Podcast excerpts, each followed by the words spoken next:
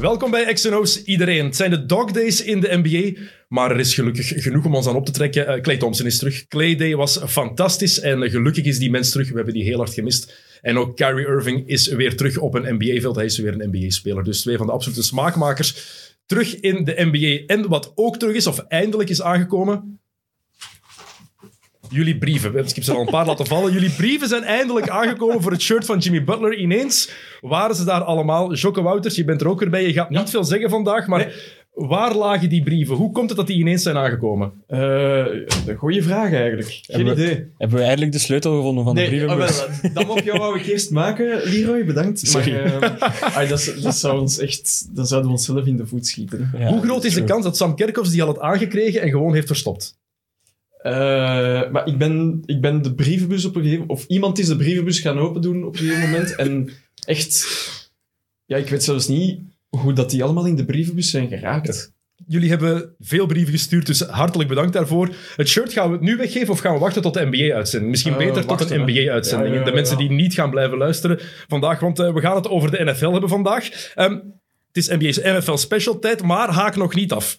Ga nog niet weg, luister nog even, ehm, want de playoffs beginnen daar. En dat is het moment om eigenlijk in te schakelen, om die sport wat beter te leren kennen en om de leukste ploegen te zien spelen, om de beste ploegen te zien spelen, of zo goed als de beste ploegen, want er is heel wat gebeurd nog de laatste dagen. Dus wij gaan hier bespreken wat je in de gaten moet houden, ook als niet-fervent NFL-fan, eh, wat leuk kan zijn om te volgen. Dus Blijf nog even hangen. We gaan het eerst wat algemeen proberen te houden. Ik zeg proberen, want we zitten hier met dezelfde mannen die altijd praten over de NFL. Als het hier een NFL-special is in XNO's. Leroy Deltour van de eh, Kick and Rush podcast. Hey, een eh, grote NFL-nerd. En de stem in Vlaanderen over de NFL. En de ultieme NFL-nerd van België, Jurgen Nijs. Bedankt voor het compliment. Het is een compliment, hè? Ja, tuurlijk. Het is Maar een zo, live zo goal neem ook. ik het ook. Het is een live goal ook, hè. Om NFL-nerd te Ja, zijn. de uber-nerds. Eh, voor we over de NFL praten, Jurgen, je zit hier met een hele mooie trui aan. Ja. Voor de mensen die het niet kunnen zien, leg het even uit. Er staat Brompie opgeschreven en dat is, eh, die heb ik gekregen als kerstcadeau van mijn, van mijn kleindochter. Ze weet het waarschijnlijk nog niet, ze is nu een jaar en een maand. Maar omdat ik zo een, een, een lieve brombeer ben, eh, heb ik de naam Brompie gekregen. Brompie en Mammy, dat klinkt wel mooi Dat natuurlijk. is mooi. Vandaar, Oké. en vandaar dat ik eh, met heel veel trots hier met eh, dit shirt zit. Meer dan terecht. Eh, Leroy, je had deze week geen Kick and Rush podcast, dus je bent helemaal uitgerust om vandaag volledig te gaan. Yes, ik zit hier eh, super fris, vol ideeën en vol... eh, ik sta te popelen om erin te vliegen. Oké, want het, het echte seizoen kan beginnen. Dat is zo in de NBA, dat is eigenlijk ook zo, met alle respect, in de Jubilair Pro League. Als de playoffs beginnen, dat is waar het echt om gaat. En in de NFL is dat nog meer zelfs. En Je hebt net Jupiler Pro League in één adem genoemd met de eh, NFL en NBA. Dat is wel een eerste grote zonde al. En we zijn nog geen vijf minuten bezig, denk ik. Het Maar is een competitie die ook playoffs heeft. Absoluut. Voor de rest heb je gelijk. Oké. Maar het is wel zo. Hè. Het is een seizoen geweest. We hebben in de NFL dit seizoen voor het eerst 17 matchen gehad in plaats van 16. Dus één speeldag meer. En toch heerst er misschien een beetje het gevoel bij mij toch dat het seizoen één of twee maanden langer heeft geduurd. Ook al was het maar één week. Ja, maar dat is voornamelijk omdat anders was het afgelopen zo rond nieuwjaar. En kon je dan na nieuwjaar meteen met de play-offs beginnen. En nu zaten die feestdagen daartussen en, en heb je dan die extra week. En dat zorgt er dan inderdaad ook voor dat je dat gevoel hebt dat... Ja, plus ook, er waren nog heel wat teams die in de running waren voor die play-offs. En dan, ja, dat, anders is dat ook, zijn er al een aantal die afgehaakt hebben. Maar nu had je met twee weken te spelen nog, nog 28 van de 32 teams, bij manier van spreken, die eh, nog aanmerking, of aanmerking maakten om naar de play-offs te gaan. En dat En- maakt het leuk. En we hebben een waanzinnig zotte laatste speeldag gezien. Een speeldag waarin er op voorhand, waarin iedereen leek, ja, er zal niet zo heel veel meer veranderen. We denken dat we weten wie de playoffs gaat halen. En toen werd er gespeeld. En toen werd niet alles, maar heel veel overhoop gegooid. Ja, het moest beginnen met de Colts die moesten verliezen van de Jaguars. Om dat te vergelijken met, met, bij voetbaltermen, zeg maar. Dat zou betekenen dat Man City moet verliezen van Norwich. Voor, voor heel de boel open te breken. En om het nog even wat en- meer te en- duiden, de Jaguars die waren zo slecht dat alle supporters waren komen opdagen verkleed als clown, omdat hun ploeg zo'n grap is. Ja, dan maakt het er niet minder pijnlijk op voor de Colts natuurlijk, om dan te verliezen tegen een, een publiek dat volledig als clowns is uitgedost. Eh, Het was misschien maar- dat dat hen in de war bracht. ja, voilà. misschien, misschien kregen ze daardoor wat extra faalangst. Maar eh, de opdracht voor de Colts was simpel. eh, winnen van de Jaguars en ze waren in de playoffs. Ik denk dat de odds ook volledig in hun favor waren, zeg maar. Ze waren on a roll eigenlijk, de Colts. Goed aan het spelen ook, Goed bezig in de terugronde. Ja. De, de, eigenlijk de beste running back van het moment met Jonathan Taylor, die Mhm. ook tegen de Jaguars wel niet top was. Maar ja, ik, had er geen rekening mee gehouden dat ik, dat ik nog ging moeten opblijven die nacht en nog naar NFL ging moeten kijken. Want ik dacht, het gaat eindelijk eens een zondagavond worden waarop ik de maandag fris naar het werk kan komen. Want ik had, ik had om tien uur uitzonderlijk een Daar, meeting. ja, daar ik even tussenkomen. Dus Leroy heeft gedurende het NFL-season elke maandag een halve dag congé om uit te slapen. Ja, maar deze maandag dus niet. De, la- de laatste van het seizoen dus niet. Had ik plots een meeting voor Flanders Classics over de koers. en ik dacht, ik ga eens op tijd in mijn bed kunnen kruipen, want, want ja, er staat niet heel veel meer op het spel.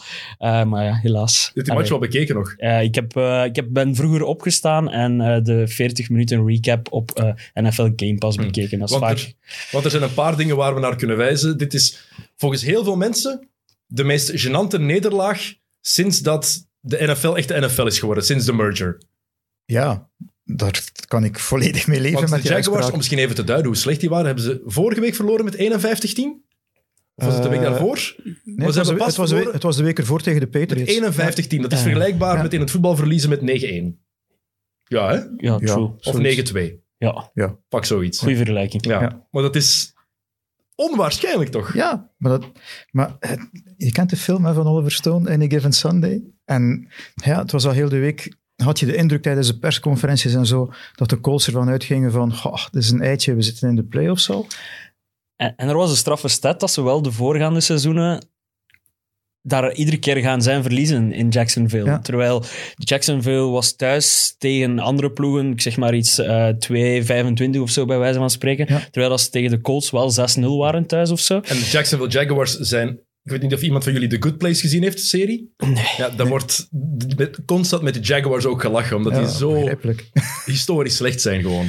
Ja, nu, eh, we hebben het in het begin van het seizoen ook over een headcoach gehad, Urban Meyer. Die Ook, al buiten lachen. ja, ook bij onze half-season eh, uitzending hebben we het er ook nog over gehad. Die heeft dus uitgehouden tot week 11 en dan was hij te Had hij ver toen al zijn lapdance gedaan? Ja, die Toen had hij al zijn lapdance gedaan. Gekregen, even het verhaal van de lapdance. Ja, dus eh, hij had een van de vele nederlagen dit seizoen van, van In Jacksonville. In Cincinnati. in Cincinnati. Ja. En eh, eigenlijk de rest van de ploeg is naar huis gevlogen, maar Ja. hij is nog wat blijven plakken Ja, daar. het, was, het was zijn verjaardag. En omdat hij afkomstig was uit Ohio en ook nog headcoach geweest is van Ohio State, zei van, ik ga mijn verjaardag gaan vieren met mijn familie.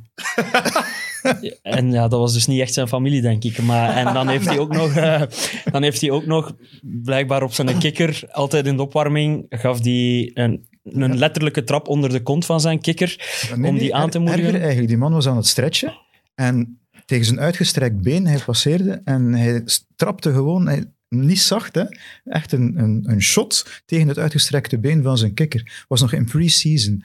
Eh, om dan te zeggen van, je moet beter je best doen, maar er was nog niks gespeeld. Eh, dus die kikker heeft is dan gevraagd, ja, waarom heb je dat nu gedaan? Ja, je moet niet tegenspreken en zeker niet waar andere mensen bij zijn, was de reactie. Ik bedoel, het zijn wel volwassen mannen waar je mee bezig 1970 is bent. al lang geleden. Ja, hij, Ja. wi- hij wist ook niet welke spelers er op het veld stonden van hem. En zo viel echt door de mand op persconferenties waar ze hem vroegen wat vond je van hem vandaag? En bleek dat die speler geen enkele snap had gespeeld. En, en dan toch een antwoord geven alsof dat hij wel had gespeeld. Dus ja, je, Maar ziet, dus- je moet niet veel kunnen om NFL-headcoach Maar die te was, er al, die was er niet meer bij.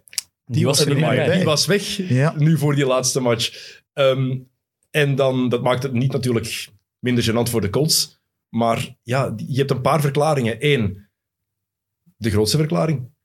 Carson Wentz, de quarterback van de India- Indianapolis Ja, Colts. als het slecht gaat, verwacht je dat je leider, dat hij het voortouw neemt en dat hij je bij de hand neemt, bij manier van spreken, of eerlijk bij het nekvel, en je eigenlijk naar die overwinning sleept.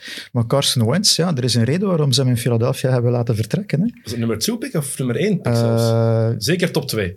eh, ik Hij is tweede gekozen. Eh, Ja, is niet al zeer zeker geen number one pick, dat ben ik zeker. nee, ik denk dat hij als tweede gekozen is. Was dat niet na Jared Goff? Jared Goff, denk ik inderdaad. Ja, Ja, Goff.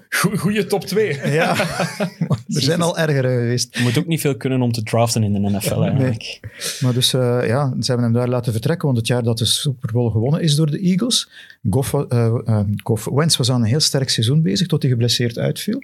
En dan werd hij vervangen door, eh, door Foles. Ja, Nick Foles. Nick Foles. En- special. Ja, en dan hebben ze die Super Bowl gewonnen. En dan het jaar daarna was er een beetje tweestrijd, of was Foles vertrokken het jaar daarna? Eh, nee, Foles was er het jaar daarna. Ja, was er dat ja. nog, maar dan was, was het Wentz terug, maar dan draaide het ook weer aan. Opnieuw geblesseerd geraakt. Opnieuw geblesseerd. Concussion, weer Foles Ja. die moest overnemen. En dan hebben ze het jaar daarna Hurts gedraft in de tweede ronde. Ja. Als, en die heeft dan eigenlijk overgenomen van Wentz. Maar ja, Wentz is, is, is een drama. Hè. Als je naar de statistieken zou kijken, zou je denken van Wentz is, is oké, doet dat wel degelijk als quarterback. Maar als je echt naar een wedstrijd kijkt van Wentz, je snapt niet wat die mens allemaal probeert te doen. Alles wat hij doet ziet er levensgevaarlijk uit. Eh, hij- Ik, Jokke voelt ook een vergelijking, hè? Echt een vergelijking. Ah, ja. Zeg het, Jokke. Russell Westbrook. Ja, ik wist dat je dat ging zeggen. Ja, je had mij gevraagd om hem te vergelijken met een voetballer dan vanuit mijn achtergrond. En ik kom bij Kepa uit van... Je ziet wel, er zit iets van talent in.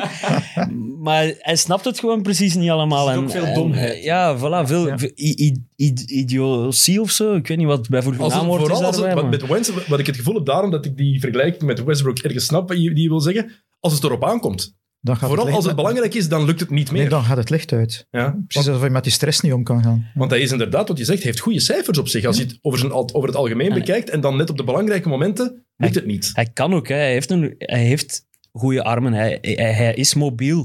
Maar hij maakt gewoon foute keuzes over... Ja, alsof dat hij te veel nadenkt en, en dan rare dingen begint. Maar hij wordt ook niet vertrouwd door zijn, zijn headcoach hè, al een paar weken. Hoe En, zou, hoe zou het komen? ja, maar dat helpt dan natuurlijk ook niet... Zelfs, Het zelfvertrouwen. ja, dat helpt natuurlijk niet in het zelfvertrouwen op het moment dat je dan wel Hmm. het moet gaan doen. Helpt het natuurlijk niet als je weet dat de voorgaande weken je coach eigenlijk zoveel mogelijk de bal uit je handen houdt, omdat hij bang is dat, dat je het gaat verkloten. En wat ook niet helpt natuurlijk, is dat je aan de overkant de nummer 1 pick van vorig jaar hebt. Mhm. Trevor Lawrence, het toptalent, die een afschuwelijk rookie-seizoen heeft gehad, maar echt vreselijk. En dan in die laatste match laat zien, ah, dit, je, dit kan je. Dit is de Trevor Lawrence die we Ja. eigenlijk al ze- 16 weken verwachten. Maar het is de laatste wedstrijd, er komt een nieuwe headcoach. Hij moet tonen wat hij kan. Maar hij was echt goed. Hij was goed, ja. En Je mocht ook niet vergeten, die clowns, hè. nog altijd, die clowns zitten daarachter. Hè. Dus je ziet, Het schijnt dat er mensen een fobie hebben. Misschien heeft Carson Wentz wel een fobie van clowns. Maar dat is echt wel een statement als club, als supporters van een club, om op te komen dagen als clowns, omdat je club zo'n grap is. Ik vind dat heel sterk. ja, de vraag is, gaat het iets opleveren? Nee, maar, oké, maar als supporter, wat kan je doen? Je hebt niet veel opties, hè? Ja, nee, het is, het is ludieker dan de boel slopen, natuurlijk. Eh, ik weet niet of het efficiënter is dan de boel slopen. Oh, het is beter toch dan wat er in heel veel Belgische voetbalclubs gebeurt. Supporters die, aan, die uitleg gaan vragen aan het bestuur, dat is, voor mij is dit een veel sterker signaal. Hier, jullie zijn een grap, we gaan allemaal verkleed komen als clowns.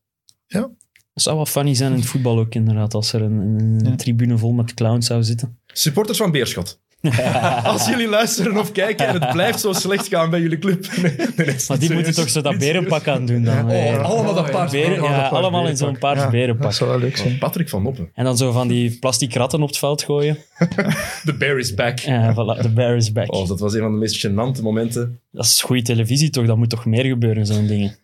Echt. Ons voetbal was, het Belgisch voetbal was plezanter met hij. Dat hebben- Ja, met hem erbij, erbij. absoluut. Eh straffe statistiek over de Colts, Jurgen. Geen enkele ploeg heeft dit seizoen zoveel minuten aan de leiding gestaan als de Colts. En ze missen de playoffs. Ja. Hoe verklaar je dat? Ja, hoe verklaar ik dat? Omdat eigenlijk een wedstrijd gespeeld wordt tot de laatste seconde in de NFL. En ze altijd choken dan. Eh, ja, ze hebben het bewezen hè, dat ze choken. Die laatste wedstrijd gewoon winnen tegen de slechtste ploeg. Want in het begin van het seizoen was het ook een probleem. Hè? Iedereen wist, Ja. op het einde van de match lukt het vaak niet meer, maar dat gaat er wel uitraken. En dat is er dan uitgeraakt, want ze hebben dan een, een reeks gehad van zes wedstrijden op rij dat ze gewonnen hebben, denk ik. De Titans hadden dat wel, dan wel moeilijk, maar iedereen dacht van de Titans winnen hier de AFC South met de vingers in, in, in, in de neus. En dan opeens kwamen die Colts terug. De Titans, Derrick Henry viel dan geblesseerd uit, een, een ster running back. Die moesten dan even kijken van hoe kunnen we het hier opvangen. En opeens stonden eh, de Colts op één wedstrijd van de Titans. En hadden de Titans het geluk dat ze al twee keer gewonnen hadden van de Colts. Dus dat ze- als ze gelijk eindigden, dat de Titans toch eerste gingen blijven. Maar dan zijn, ja, de Titans zijn dan weer beginnen winnen. En de Colts hebben dat nooit meer ingehaald. En dan was eigenlijk het doel om minstens als zevende ploeg die playoffs te halen. Mhm. En hadden ze gewonnen, dan waren ze denk ik vijfde of zesde geweest. Dus hadden ze misschien nog ja, een kans gehad om verder te gaan. Maar kijk, ze hebben het dus niet gedaan. En ja, dan, dan vraag je je af van, ja, wat zal daar veranderen volgend jaar? Het probleem is bij de Colts, Wentz die zit er nog. Hè? Mhm. Ja, ze hebben, En ze hebben er eerst- dingen voor opgegeven. En ze hebben een eerste keuze van volgend jaar in de draft. Die zit nu in Philadelphia, omdat ze hem zoveel hebben laten spelen dit jaar. Onwaarschijnlijk. Ja. Onwaarschijnlijk. Het, het strafste van alles is eigenlijk... Oké, de Colts verliezen die match van de Jaguars en daardoor halen ze de playoffs niet. Maar het is niet het zotste wat de laatste speeldag is gebeurd. Nee. Met wat de gevolgen heeft voor het playoff-plaatje waar we het zo meteen over gaan hebben. Want er was er nog de match tussen de Chargers en de Las Vegas Raiders. Blijf het moeilijk vinden om Las Vegas Raiders te zeggen trouwens. Ik ook. Het blijft toch Oakland? Eh, Dat, ik- dat, dat hoort toch? ja, LA voor ik- jou? Ik, heb het, ik heb het nog moeilijker met de Los, Los Angeles Chargers. Bij mij is dat nog altijd San Diego. Ja. Eh, maar nu, Ja, mijn Raiders- ploeg noemt nu Washington voetbalteam. Ja, dus oké. dus. maar die die problemen vallen die nog mee. Washington daar. blijft wel. Ja, Die Washington blijft wel. Ja, die ja. hebben supporters, hè. De Chargers hebben geen Ja, supporters. Hè. ah, nee, Nee. Washington ook niet. Dus- maar ik, we gaan er niet over praten. Nee, want die hebben de playoffs niet gehaald. Nu, Die ja, beide nu wat, wat de. Raiders Top. betreft, ja, ik heb ze... Ik, ik, als ik begon te volgen, zaten ze in Los Angeles. Dan zijn ze teruggegaan naar Oakland, dan nu naar Las Vegas. Dus het is inderdaad... eh, Maar dat is een match, dus die, we krijgen daar verlengingen. Hm, maar ik Terwijl de Raiders eigenlijk de match in handen hebben. Ja, En Justin Herbert, de ik nog, quarterback... zeg mag ik maar. nog even teruggaan, Dennis? Ja, want eigenlijk, voordat je aan die wedstrijd begint, Ja. moet je eigenlijk eerst nog de Steelers tegen de Ravens pakken. Want dat is een wedstrijd, omdat de Colts verloren hadden, hadden zowel de Steelers als de Ravens eigenlijk nog kans om de playoffs te halen. Wat niemand voor mogelijk achten. Nee, winnen de Ravens, dan gaan de Ravens, eh, als, eh, dan dacht ik als eh, de Chargers wonnen, gingen dan de Ravens naar de playoffs. Eh wonnen de Steelers, dan gingen de Steelers naar de playoffs samen met de ploeg die die laatste wedstrijd won. Maar het mocht geen gelijkspel worden, want als ze gelijk spelen, dan zaten de Steelers thuis en gingen zowel de Chargers als de Raiders naar de playoffs. Dat is de basis van het verhaal. Heel mooi Daar moet het uitgelegd. beginnen. Kort, goed samengevat, want het is niet gemakkelijk. Dat is heel goed, goed samengevat, inderdaad. En daardoor had je dan Chargers-Raiders. Ja. De Raiders hebben die match in handen. Justin Herbert gaat compleet loco. En heeft daar een, een, run met 19 plays op rij, denk ik. Eh, ik heb ze niet geteld. Ik denk dat maar het er zal- ja, 19 het kan. waren. Ja. Die weer laat zien wat voor een waanzinnige speler hij is. We krijgen overtime. En daarin lijken we ook af te stevenen op een gelijkspel, effectief. Ja. Hoe toevallig kan het zijn? En toch krijg je geen Ja, gelijkspel. en, en, er, en er is niet gespeeld voor dat gelijkspel. Hè? Want we hebben in, bij de half, eh, onze halfseizoensaflevering hebben we het gehad over hoe moeilijk het is om gelijk te spelen. Als tongzoenen met je zus of zo. Ja, voilà. Dat is vergelijking gedaan. voilà. Dus hoe moeilijk het is om gelijk te spelen. En het leek ernaar, zonder dat ze er echt een moeite voor deden, dat het inderdaad een gelijkspel ging worden. Want dat we geen scenario's kregen zoals op het wereldkampioenschap 82 zeker. Ja, Duitsland, zoiets. Oostenrijk. Die gewoon eh, balken rondgespeeld Ja. hebben, inderdaad. Maar We moeten toch blij zijn dat dat geen gelijkspel... Allee, ik, had het, ik had het hilarisch gevonden als ze echt voor een gelijkspel speelden. Dat je gewoon een hele match zat te kijken naar twee ploegen die zaten te knielen en elk om, elk om beurt de, de Maar bal dan naar gingen ze elkaar beide tappen. gedisqualificeerd. Ja, voilà. Dus Maar als, als op het einde gewoon... Dat is, ja, het, is wat, het had een gelijkspel kunnen zijn. Uiteindelijk hebben daar, is gewonnen. veel, daar is veel discussie mee vermeden en daar ben ik wel blij om, denk ik. Maar langs de andere kant heb je dan wel een ploeg die in de playoffs komt met de Steelers. Die het misschien niet echt verdiende. En de Chargers, je hebt een, Heb de je- Chargers zijn te goed om de playoffs te missen. En mensen die Eh, naar de, die, men- maar- mensen ja, die Voetbal nu, wordt aan twee kanten gespeeld. maar mensen hè. die nu gaan kijken, ik heb vooral zo de niet-vervente Ja, NFL-fans, die nu gaan kijken naar de playoffs, die moeten kijken naar Ben Roethlisberger, die meer versleten is dan ik, die meer versleten is dan veel mensen, die eigenlijk niet meer mee kan in de NFL, en die een toptalent als Justin Herbert niet gaan kunnen zien spelen. Eh, Dat vind ik heel jammer. Ik ga die match van de Steelers niet bekijken, hè. Ja, snap ik. Maar zoals ik ging zeggen, het wordt wel aan twee kanten gespeeld, voetbal. En de Chargers defense slaat nergens op. Terwijl de Steelers hebben waarschijnlijk de Defensive Player of the Year rondlopen. Met, Top met- 50-50, leuke met match. wat, ja. ja, nee, true.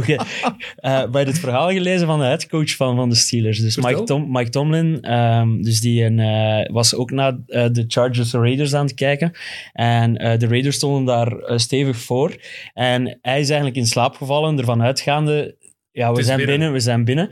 En die heeft pas dus een dag erna ontdekt dat het op één time-out, op één seconde is aangekomen. Of dat zijn ploeg toch nog de playoffs had gemist. Dus eh, ik gun het de man Tomlin op zich wel. Want eh, ja, als headcoach, wat die gedaan heeft, met eigenlijk wat jij dan zegt, ja... eh Rutlisberger die niet zou misstaan in cafévoetbal, in, in het laagste van het laagste In, niveau. in, in, in, in de goal dan toch? ja, in de Lopen goal- kan die ja, of als scheidsrechter. Als, zo, Maar nee, die moet ook mee kunnen ja, met het spel. voilà. ja. Dus, maar Gewoon, als, gewoon tappen. als, als je Gewoon tappen.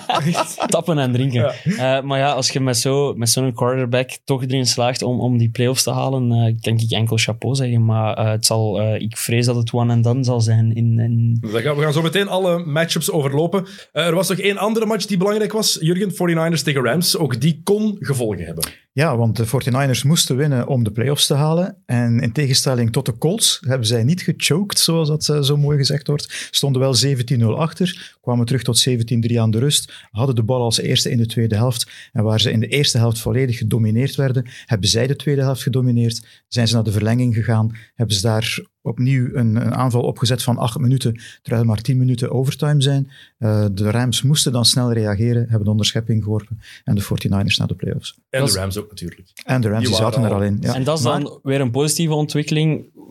Waar dat jij tegen de Steelers waart. Ik ben wel blij dat de Niners er wel bij zijn. ja. In plaats van de Saints, die, ja, die, niet verdiende. die niet, ja, die eigenlijk een heel vergelijkbaar verhaal hebben met dat van de Steelers. Ook een heel sterke headcoach. Eigenlijk een ploeg die qua kwaliteiten niet zou mogen meedoen in die strijd om de playoffs. Maar omdat ze zo goed gecoacht zijn, ook met een heel beperkte quarterback, eh, toch tot het einde hebben meegestreden. Dus het is goed dat er maar één van die twee bij zijn. Want uiteindelijk willen we, zoals dat jij zegt, willen de spectaculairste ploegen. Hè, en, en, niet, en niet per se de, de best ge- gecoachte ploegen hebben. Oké, we gaan alle matchups even overlopen. Want we beginnen met de wildcards natuurlijk. Zo, be- zo beginnen de playoffs in de NFL. Super altijd. wildcard weekend. Super wildcard weekend. Ehm, maar voor we eraan beginnen, ehm, de Chargers, de beste ploeg die de playoffs niet haalt, denk ik. Zijn we het daarover eens?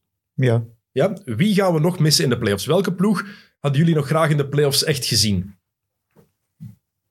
Is er zo De- één team de dat er Dolphins. steekt? Hm? de Dolphins, Ja, moet ik wel zeggen En nu natuurlijk. Ja, als je acht van je laatste negen wedstrijden wint, maar je begint je seizoen met een zege en dan zeven nederlagen op rij, dan wordt het moeilijk, maar ze waren er bijna. Ja. Mhm.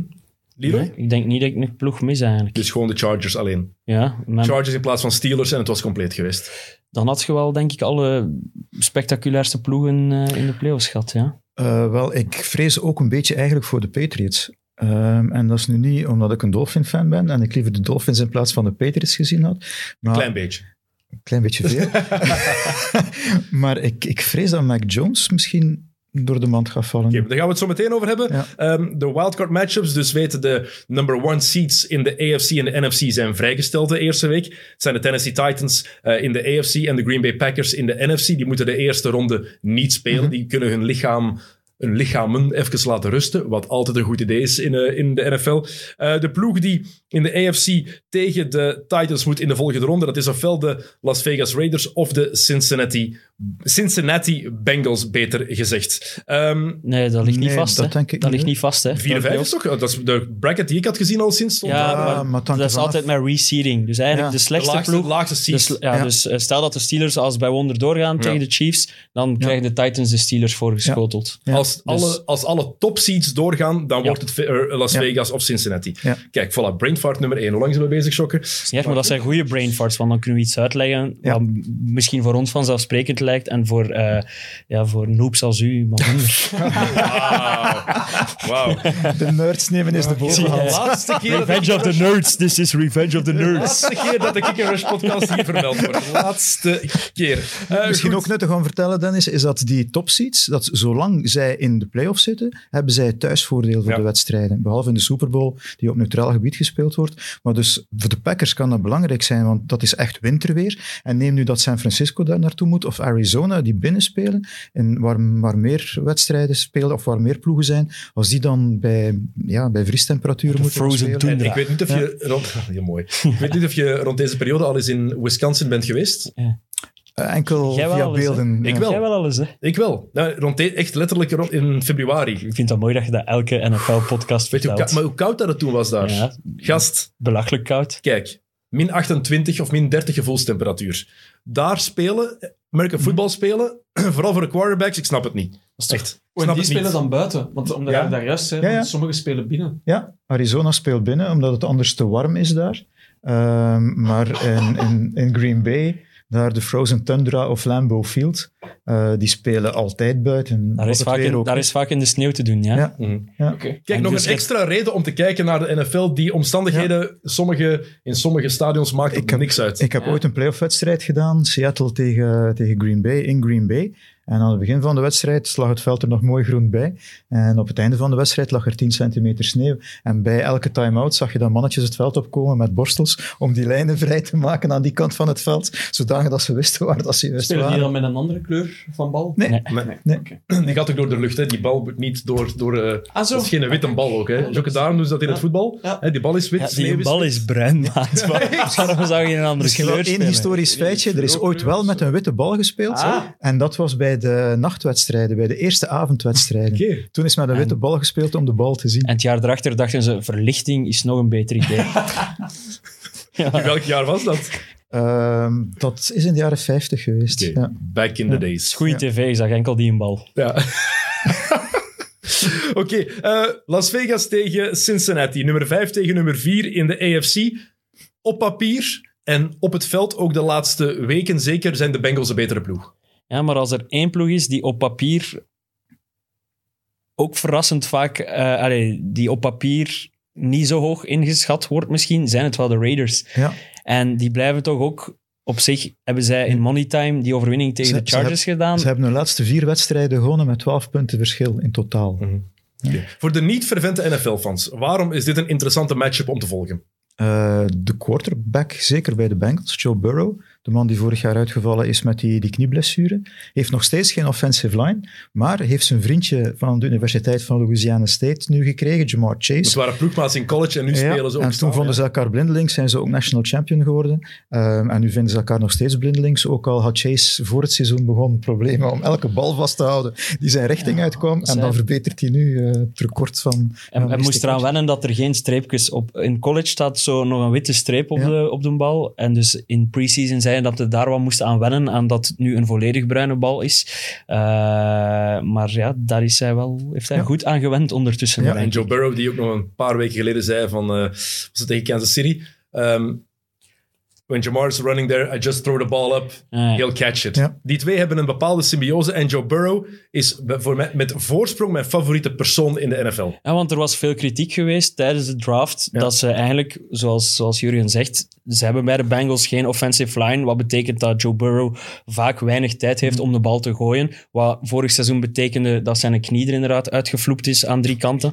Eh, dus er was wel wat kritiek dat ze met hun hoge draftpick niet voor extra Bescherming, bescherming, voor, voor Joe Burrow gaan zijn. Maar Joe Burrow heeft zelf aangeklopt bij ja, bij de mensen die de beslissing mochten maken en gezegd van, haalt mijn copain Jamar naar hier en dat komt wel goed. En eh, hij- van, van in het begin van het seizoen eigenlijk te vroeg teruggekeerd van zijn knieblessure, was nog niet 100% fit, maar om als voorbeeld na zijn, na, zijn, na, zijn, na zijn ploeggenoten, al naar die OTA's, open trainingen, eigenlijk vanaf minuut 1 het voorbeeld gegeven dit seizoen. Eh, ja, een, enorm charismatische vent die altijd met, met, met zijn sigaren in zijn mond, het is stilletjes aan iconisch aan het worden. Het beeld dat hij de, de nationale titel won in college met LSU, zoek dat op mensen. Ja. Zoek die beelden op van Joe Burrow met die sigaar. Is, ik vind hem... Hij is super cocky, maar net op het randje, want hij heeft ook nog heel veel Clay Thompson vibes. Ja, hij, heeft, maar hij heeft een sympathieke kop, hè. dat helpt. Ja. Ja, maar hij is ook... Maar- en ik denk dat hij zichzelf niet te serieus neemt. En dat helpt ook. Zo Ja, komt hij over. Maar, maar het, is alleen, het is ook zo, er zijn een aantal veteranen vertrokken bij Cincinnati en hij voelde zich nu in de rol geduwd van leider. En hij heeft dat eigenlijk vrij simpel opgelost door gewoon met iedereen van de ploeg te gaan praten. En waar je anders zo'n beetje die afscheiding hebt tussen offense en defense, en het eigenlijk enkel de sterren zijn die af en toe eens contact hebben. Nee, hij komt binnen via de ingang eh, waar de, de mensen van defense zitten en hij begint met hen een praatje te slaan en dan gaat hij zo verder. En hij praat gewoon met iedereen. Dus iedereen weet dat ze bij hem terecht kunnen en, en dat hij zeker dat ze, dat ze niet zo afgewimpeld worden of zo. En dat zorgt ervoor dat hij ook als, als leider opgestaan is en dat hij eigenlijk, ze doen alles voor hem. En als Eh, speler. ja, en als speler toont hij ook dat hij en het je waard voelt is. er ook wat Tom Brady in. je ziet er iets van Tom Brady in, vind ik. Ja, er is niets hem te veel, hè? Ja, ik heb meer Rodgers-vibes misschien Ja? nog bij hem, eigenlijk, om de een of andere reden. Is Rodgers niet mobieler nog dan? Burrow is niet, is niet de meest mobiele ja, quarterback. hè? je mag niet vergeten, een jaar geleden lag zijn knie er nog uit. Hè, en daarvoor was die wel mobiel. Uh, Dus ik weet niet of dat, dat nog ooit volledig gaat Rodgers heeft terugkomen. hem wel een goede tip gegeven als ze tegen de Packers gespeeld hebben. Omdat Burrow, die liep dus met de bal, moest een first down halen. Leren sliden, ja. Nee, die deed geen sliding. Ah, ja, die sprong vooruit, met zijn hoofd vooruit. En daarop is, is eh, Rodgers na de wedstrijd ge- tegen, naar hem toegegaan en gezegd van, dat hij een goede speler is, dat, die, dat, dat, dat Rodgers Burrow graag nog wel langer zou zien spelen, maar dat hij dan wel zulke grapjes niet meer mocht uithalen, dat het snel gedaan zou kunnen zijn. Uh, dus, eh, Hij heeft dat hoogste man fou gehalte. Hè. Ja. Als hij twee intercepties gooit in het begin van de wedstrijd, he don't care, eh, komt terug en gaat die wedstrijd nog... Maar dat is de grootste kwaliteit van topspelers, een kort geheugen hebben. Ja, ja, Om zo snel mogelijk te vergeten als je iets verkeerd gedaan hebt. En dat, heb, dat hebben alle topspelers ook. Die Ja. kunnen vergeten als ze een fout gemaakt hebben. In elke sport. Niet alleen in, ja. het, niet alleen eh, in American football. Eh, Burrow, Burrow en Chase, de combinatie van die twee. Nog iets waarom deze matchup interessant is. Is er iets voor de, voor de Raiders dat we in de gaten moeten houden? een er- quarterback gaat het daar niet zijn. Hè? Ja, ik, ik, ben, ik ben wel fan eigenlijk van een quarterback. Derek Carr, ja. Derek Carr. Ik vind die een onderschat, omdat die, die, die, die heeft niet... Het, het is geen een Burrow, het is geen een, het is geen een, het is geen een Rodgers, het is geen een Brady, maar die slaagt erop... De, ja, met, met ook een beperkte ploeg eigenlijk slaagt hij Ja. er nu wel in om die, die draaiende te houden. In het begin van het seizoen, de eerste vier, vijf weken, was hij denk ik top drie bij, van quarterbacks in het seizoen. En ehm, ja, als ik dan toch... Hij heeft het ook een groot deel van zijn seizoen zonder zijn beste wapen moeten doen. Darren Waller dan. ja. Uh, ook Ja, een fantastisch verhaal, die Darren Waller. uh, is een, allee, fantastisch verhaal. Uh, een heel grote drugsverslaafde geweest. Eigenlijk op, op het randeke van, van instorten gestaan. Nu een van de beste tight ends in de league. Ook op defense hebben ze zo iemand rondlopen. Max Crosby. Die is wel, als je dan eens aan de defensive kant Mhm. wilt kijken, is dat wel een, een plezant om te zien. En dan iemand dat ik heel plezant vind om te zien bij de Raiders, is Hunter Renfro. Hè. Um, die heeft... Ik heb, een, ik heb, een blanke wide receiver. En zo zijn er nu twee. Hè. Straks ik- komen we nog Cooper Cup ik heb, ik, heb, ik heb een foto gezien van hem nu in, in bloot bovenlijf. En die, die heeft dus een buikje, hè, die Renfro. Dat kan een slechte foto geweest zijn, maar Typisch, typisch To- Raider, hè. totaal geen atletische uitstraling of zo. Maar hij is misschien wel bij de beste in de league in wat we dan route, route running noemen. Eigenlijk de kunst om ja, uw voorgeprogrammeerde route dat je moet lopen tot in de perfectie uit te voeren en met door uw heup zeg maar naar de ene kant te doen, uw, of ja, door bepaalde lichaamsbewegingen uw verdediger volledig de foute kant op te sturen. Eigenlijk gewoon, soms kun- het kan plezant zijn om naar hem te kijken, gewoon om te zien hoe dat hij puur, puur qua spelinzichten en zo En zijn, even zijn belangrijk, bijna geen drops. Hè. Als de bal maar te vangen valt, dan vangt hij hem. Of te vangen Dat is- valt, dan vangt Maar dat is het hij hem. belangrijkste natuurlijk. Ja, hè. tuurlijk. Ja, tuurlijk, Ja, en wat is zijn bijnaam? Thir- Third and Renfro, Ja. zeggen ze vaak. Dus dat betekent, ja, dus Ja, en dat betekent de dat hij op clutchmomenten, dat eens altijd hij op de hem bal kunnen gevangen rekenen. heeft, vindt hij ook de ruimtes om, om nog wat extra... Maar het wordt belangrijk, want de uh, overwinning van afgelopen zondag van de Raiders was de eerste sinds Thanksgiving, dus eind november, dat ze meer dan 23 punten gescoord hebben. Mhm. Dus het is geen high-scoring Ja, team. Die hebben ook een, een fucked up seizoen gehad hè, met, Ja. met, met Ruggs. Dat is vorige keer al ter sprake gekomen. Ja. Denk dat dat toen net gebeurd was. Ja. Dat, dat hij Met John Gruden, die ontslag de headcoach die de ontslagen headcoach die ontslagen is. Plus dus- dan eh, nog een eh, speler die ze moeten ontslaan, die Ja. in dezelfde eerste ronde gekozen is van Ruggs. en omdat hij met zijn Eh, wapens aan het zwieren was. Ja, dus- hij met zijn wapens aan het maar dat was allemaal net gebeurd vorige Ja. keer hier. Dus dat die Ja. ploeg toen niet volledig is ingestort en toch nog in die play-off staat, zegt wel iets over de resilience. Dan vraag ik mij af, die headcoach nu, Besetje, mag die dan blijven als headcoach, de interim? Want uiteindelijk is het wel mede door hem dat ze in de play-offs zitten, toch? Hè? Want hij heeft eigenlijk de schade beperkt, heeft dat team samengehouden. Ja, als hem nu nog eens wint, zal het moeilijk worden om hem te ontslaan. Toch? Ja. Absoluut. Ehm, in week 11 hebben de eh, Bengals gewonnen van de Raiders met 19 punten verschil. Mhm. Wil dat nog iets zeggen? Zeven weken later. Nee. Nee, Of acht weken. Nee, zeven weken later. Nee. nee. Oké, dat is Mag gemakkelijk. ook niet weten, Burrow heeft hem voor 148 yards gepast. Ondertussen heeft hij wedstrijden van 525 gehad. Maar zoals Leroy daarnet wel zei, Max Crosby is wel degene die Burrow het meest moet vrezen natuurlijk. En Geen Mhm. enkele speler zet een quarterback zo vaak onder druk als. Crosby. Alleen in de vorige match tegen de Bengals was hij dan een van zijn weinige matchen dat hij niet goed was. Dus hij zal het proberen recht te zetten. Kijken. Extra motivatie. hè. Oké, ehm, wat is de sleutel voor een van deze twee ploegen om de Super Bowl te halen? Idee voor jullie? Ehm, dat die offensive line Burrow de tijd geeft. Ik denk dat dat eh, een belangrijke zal worden. En voor de Raiders? Waller, die 100% moet zijn. Oké, goed. We blijven in de AFC. Ehm, en dan hebben we de New England Patriots tegen de Buffalo Bills, nummer 6 tegen nummer 3. De derde keer in 41 dagen dat ze tegen elkaar gaan spelen. En daar doet de vorige matchen er wel iets toe, denk ik. Behalve Omdat de die- eerste toch. Ja, ja, De maar- eerste, even zeggen, de omstandigheden waren waanzinnig bij de eerste match. De, er waren windsnelheden van, wat was het, 80 km per uur? Was dat de match dat, dat Mac Jones twee keer gegooid Drie, heeft drie, of zo? Drie, keer gegooid. drie passes. Wel, maar dat, In de hele maar match dat kruipt drie toch keer in hun hoofd? Ik, dat, zit toch, dat speelt toch mee in het hoofd dat je verloren hebt van een ploeg die maar drie keer gegooid heeft. Maar dat was door de extreme weersomstandigheden. Dat, dat- gaat nu niet zijn. Maar het zijn natuurlijk ook divisierivalen. Die spelen elk jaar twee keer tegen elkaar. Die Ja. coaches... McDermott komt ook van de Belichick School? Nee. Nee, nee, nee, Nee. totaal niet. Ehm, Die, die komt van Philadelphia. ja, ja, van, eh, van Chip Kelly of... eh, nee, Eh, linkske. Die van de Chiefs. Van Reed.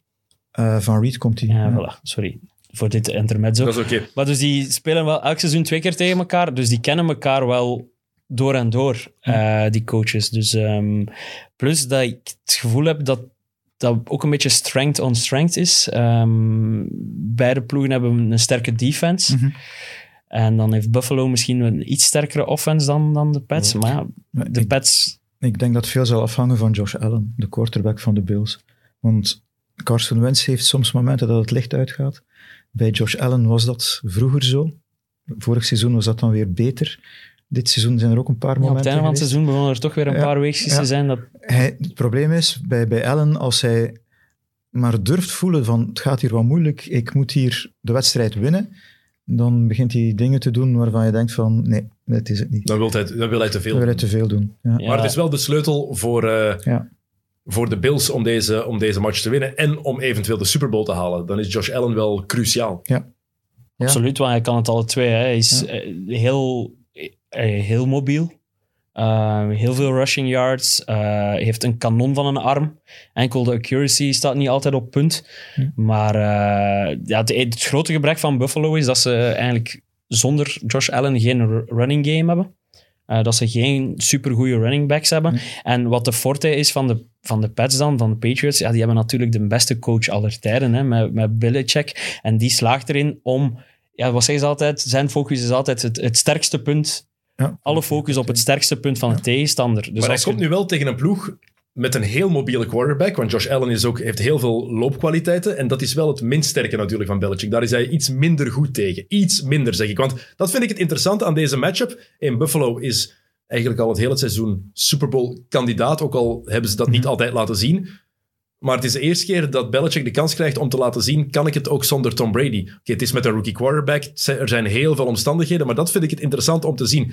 Kan hij het nu nog eens? Maar ik denk dat er al niemand verwacht had dat de Patriots in de playoffs gingen zitten. Dus op dat vlak heeft hij eigenlijk al dit seizoen bereikt. uh, ik denk wat, dat we wat de nog eens terughalen. Ik denk dat ik gezegd heb, het kan de verrassing zijn. Pure gok, maar kijk. Ja, oké. ik, ik had er al sinds geen geld op ingezet. ja, ik ook niet. Maar, ja. ja, want ik had de Dolphins. Maar ja, dat is een ander verhaal. Je laat te veel je persoonlijke dingen, voorkeuren meespelen. Ehm, want het, is, het is wel zo. eh, Belichick wordt heel belangrijk. Mag ik even, Dennis? Tuurlijk. Leroy, mijn persoonlijke voorkeur. Weet je hoe frustrerend het is als je wat, 13, 14, 15 jaar telkens door dezelfde ploeg uit de playoffs gehouden wordt? Eh, nee, dat kan ik me niet inbeelden. Nee. Nee, omdat de Washington Ja. eh, voetbalteam al Maar zo wij, lang wij meer- spelen in de NFC Least, Ja, hè, dus er is elk seizoen wel ene sukkel die onze divisie moet winnen. Oké. Ehm, kijk, dat is interessant. Belichick en natuurlijk, zoals altijd, of bijna altijd, het quarterback-verhaal is interessant. Eh, Josh Allen, je hebt het net al gezegd, wordt cruciaal. Ook, is, ook al heeft hij het wat moeilijker de laatste weken. Maar aan de overkant hebben we een quarterback die zijn eerste jaar in de NFL speelt. Meteen de playoffs haalt. Heel veel lof heeft gekregen. Mhm. Maar de laatste weken toch wel wat vraagtekens achter zijn naam heeft gekregen met Mac Jones. Ik denk dat het te maken heeft misschien met die rookie wall. Ehm, normaal gezien in college spelen ze 11 wedstrijden, maximaal 12. Eh, ondertussen zijn er al 17 de revue gepasseerd. Hij heeft ze allemaal gespeeld, denk ik. Hè? Eh, dus het zou wel eens kunnen dat de vermoeidheid hem parten speelt. Ehm, hij heeft ook niet de beste wapens. Hè. Ik vind Nee, dat dat zijn prestatie nog wat sterker maakt dan van Mac Jones. Zijn beste wide receiver is Jacoby Myers misschien. Maar ik Mhm. bedoel maar in vergelijking met de, de drie receivers die Josh Allen heeft in Buffalo, zelf vier, Gabriel Davis kunnen ook meetellen, zijn allemaal beter dan de beste receiver die Mac Jones heeft bij de Patriots.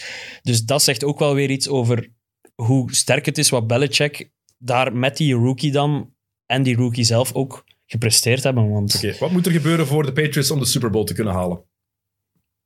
geen fouten op offense. Allee, Ja, geen turnovers. geen turnovers. Ja. Ja. Oké, voor de Bills? Ehm, Ook hetzelfde, ja. Eh, geen, geen brain farts van Josh, Josh Allen, Ja, zou ik zeggen. en Want vorig geen- jaar in de playoffs heeft hij wel wat rare dingen gedaan. Of die is al twee jaar dat geleden. twee jaar geleden. Oh, ja. maar dat was wel absurd. Wat die, daar was hem Ja. echt Wens 2.0 eigenlijk. Ja. Dus dat moet hem vermijden. Josh mag niet Wens worden. Dat is geen complimenten. Nee. Nee. Oké, goed. eh, laatste ehm, wildcard matchup van eh, de AFC. De Pittsburgh Steelers tegen de Kansas City De Chiefs. wedstrijd waar jij het meeste naar uitkijkt. Patrick Mahomes, gelukkig is die hier. Ook al is het dit jaar niet de Patrick Mahomes die we in het begin van het seizoen verwacht hadden. Mhm. Heeft het En ook, moeilijker gehad. en ook niet de Tyreek Hill die we verwacht hadden. En ook niet de Travis Kelsey Nee. die we verwacht hadden. Als er één ploeg is die mij dit seizoen... En dat is absurd, want ze zijn de nummer 2 seed, hè, als ik me niet vergis. Ja, ja. Ze waren Als, er toch ja, als er één ploeg is die mij absoluut teleurgesteld heeft dit seizoen, zijn het de Chiefs. Want normaal, ik, ik heb hier eh, in alle voorgaande edities gezegd, denk ik, van als er één ploeg is waar dat je moet naar kijken om verliefd te worden op het spelletje, zijn het de Chiefs. Maar dat was dit jaar totaal niet het geval. En eh, om de een of andere vrede, vreemde reden is hun defense plots sinds halfweg dit seizoen plots een super stevige defense. Oh, twee woorden. Melvin Ingram. Ja, toch die. hè? Die is overgekomen van de Steelers. Dus die komt zijn gewezen ploeg tegen. Wat een verhaal. Ja, want uiteindelijk... Vertel het Eh, verhaal misschien even, inderdaad. Oké, dus eh, Melvin Ingram, jarenlang, ik denk negen seizoenen, was hij, was hij de mainstay van de verdediging van de Chargers. Middle linebacker, man die eigenlijk het spel uitzet van de verdediging. Contract ten einde. Ehm, de Chiefs wilden hem al, maar hij heeft voor het geld gekozen bij de Steelers. En na zes wedstrijden speelt hij niet genoeg naar zijn zin en heeft hij gevraagd om getrade te worden. De Steelers hebben gevraagd van, oké, wie heeft er interesse? De Chiefs hadden nog steeds interesse. Ze hebben denk ik een keuze in de vijfde en de zesde ronde gegeven. Dus eigenlijk vrij goedkoop. En eh, ze hebben hem gekregen. En op dat moment is er een klik gekomen op die verdediging. Was er tegengewicht aan de andere kant eigenlijk bij, bij bepaalde situaties. Want de verdediging die was goed tot en met de derde poging. Maar bij derde poging slaagden ze er niet in om de tegenpartij te stoppen. Ingram is er dan bijgekomen, meer druk op de quarterback dankzij hem. En vanaf dat moment is die verdediging beginnen klikken. Behalve dan tegen de Bengals, waar ze dan verloren hebben, waardoor ze ook die number one seed verloren zijn. En dat is, ja, dat is de laatste hiccup eigenlijk, Mhm. die toch wel cash betaald wordt. Deze matchup zou eigenlijk een walkover moeten zijn voor de Chiefs. Hè. Ehm, dit seizoen hebben de Chiefs de Steelers zo'n pak slaag gegeven Mhm. een paar weken geleden dat de backup quarterback Mason Ru- Rudolph zelfs minuten heeft gekregen, wat redelijk zeldzaam Dat is. was een heel leuke wedstrijd om commentaar bij te geven. Travis Kelsey deed zelfs niet mee in die match. Nee, die En Tyreek. Hill, de twee andere sterspelers, Ja. die heeft amper gespeeld. Ja. Hill die- en Kelsey amper gespeeld. Ja, het zijn de twee beste spelers in offense naast Ja. Patrick Mahomes. Wat wil dat zeggen voor deze matchup? Ik denk dat, dat de Steelers zelf gaan niet meer dan 21 punten maken, denk ik. Daarvoor zijn ze misschien net iets te weinig explosief. Ja, en Ben Roethlisberger, ervaren quarterback, titels gewonnen. En die krijgt de bal ook gewoon niet meer weggesmeten. Het is- Die- Zijn armen zijn ook Het is versleten. eigenlijk echt zielig eigenlijk. Absurd dat je... Ik, ik snap niet dat iemand die zo ervaren is, die al zoveel heeft gewonnen, die al zoveel heeft meegemaakt, en dan vorig jaar die zware blessure heeft, is dat toch, toch nog die adrenaline heeft om toch nog dat extra seizoen te willen doen, waardoor als je door, door de laatste twee seizoenen van, van gaan mensen wel vergeten zijn wat een fantastische speler dat dat Ja. ooit was, heb ik het gevoel. Maar dat is ergens ook zo met Dirk Nowitzki, heb ik het gevoel. Ook al was die, Iedereen houdt hij als die lompe, trage die was Duitser. zo houterig. Ja, ja, terwijl voilà. je, en ergens, Een heel goede vergelijking. als je kijkt ook fysiek, puur fysiek, aan Wouters.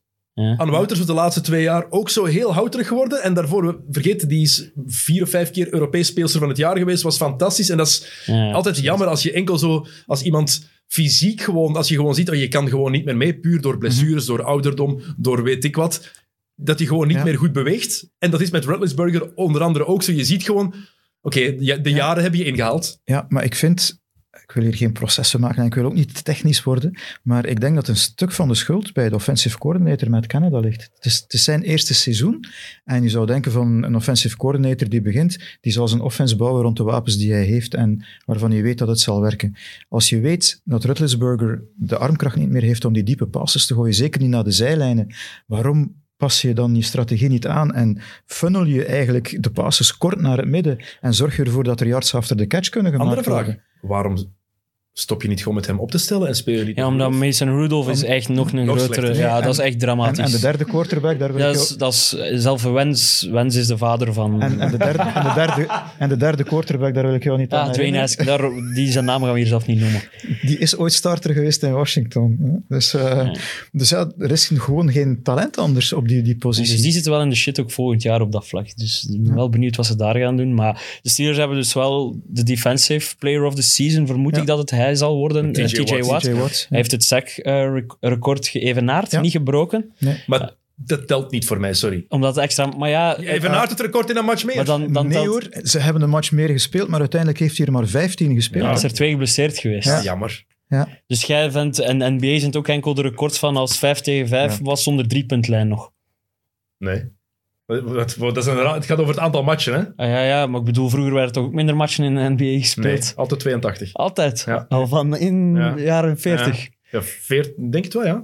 Ja, oké. Ja, en, en NFL is al twee keer, argument, sorry, En nu NBA. Ik had je onderschat. Ja. NFL is al twee keer veranderd. Hè. Het waren er eerst 14 in eh, 76 Ja, of weet het 78 zijn Ik er ben dan wel- 16 geworden. Ik sluit me er wel deels bij aan bij Dennis. Eh, ik heb daar ook moeilijk mee. Ik vind dat ze gewoon per game moeten werken. Gewoon. Seks per game. Gemiddeld dus. Ja. Ja. Dan kan zo één, in één match kan een Ja. record dan altijd blijven staan. En, Maar Oké, maar seks worden pas geteld sinds 1982. Als je verder teruggaat, dan heb je spelers die er veel meer gehad hebben. Dan Maar zou eigenlijk het, seizoen, het, het sekrecord in een seizoen, en toen waren het maar 14 wedstrijden, zou eigenlijk op 23 moeten maar staan. dat is in de NBA hetzelfde. Ehm bloks worden ook pas sinds ergens in de jaren 70 bijgehouden, denk ik. Bill Russell was de beste verdediger jarenlang, Mhm. maar die heeft nooit gespeeld En, in het tijdperk dat bloks zijn bijgehouden. En anders had hij dat record, of Will Chamberlain had hij dat record en- zeker heb gehad. je, heb je in NBA ook zoiets van... eh, bijvoorbeeld een sack in NFL kan door twee spelers gedeeld worden. Ja. Doordat je met twee aan die quarterback hangt. Ja. En, en soms ook arbitraire cijfers. Want als je bijvoorbeeld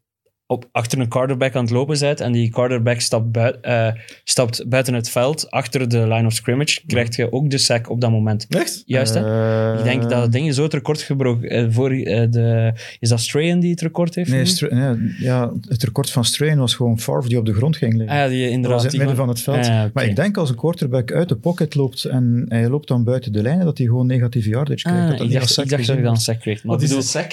Even. sack is dat je de quarterback eh, eigenlijk. Als hij de bal Voor- voordat hij heeft kunnen gooien En trouwens, die term sack eh, komt dus eigenlijk van Deacon Jones, die verdediger was bij de Rams, jaren 60, jaren 70, en die dus jaren op rij eigenlijk de meeste sacks boekte, maar het waren toen nog geen sacks, het waren gewoon tackles voor een losse op een quarterback, en die werden nog niet aanzien als sack omdat hij gewoon, ja, en dan vanaf 82 is men beginnen tellen. En op die manier staat Deacon Jones niet in die statistieken. Terwijl, ja, als ze al een, een statistiek noemen naar een speler, wil dat toch wel zeggen dat hij er iets eh, goed mee gedaan heeft. hè. Absoluut. Ehm, als de Steelers een kans willen maken, dan gaat TJ Watt inderdaad een grote impact moeten hebben. Ja, De- en Mahomes ziek moeten zijn. En Big Ben 10 kilo vermageren deze week. Oké, kijk, voilà. Of voor match Tom Brady kunnen lenen. En nu gaat de zien, gaan de Steelers winnen en gaan Ja. wij er hier zo idioot uitzien. ik weet niet of we het er vorige keer over gehad hebben, maar waar Mahomes het moeilijk mee gehad heeft, is de verdediging die telkens tegenover hem gezet werd. Er werd met twee safeties gespeeld die diep gingen, waardoor hij die diepe passes niet kon gooien. En dan, ja, dat, dat was een beetje het probleem. Eh, Maar nu is het money time, hè. Ja. En dan komen de grootheden helemaal En ik boven. was blij dat ze eindelijk luisterden naar mij, want ik zei van gooi die pas dan kort. Je hebt de wapens. En dat zijn ze beginnen doen. En sinds dan zijn de Chiefs terug beginnen. Ah, jij zet het grote geheim van de Chiefs. Eh, wel, een grootheid die we Rechtstreekse nog, lijn met Andy Reid. wel een grootheid die we nog even moeten vermelden. Mike Tomlin, de headcoach van de Pittsburgh Steelers. 15 jaar headcoach. Nul losing seasons. Geen enkele keer een percentage onder de 50%. Ja.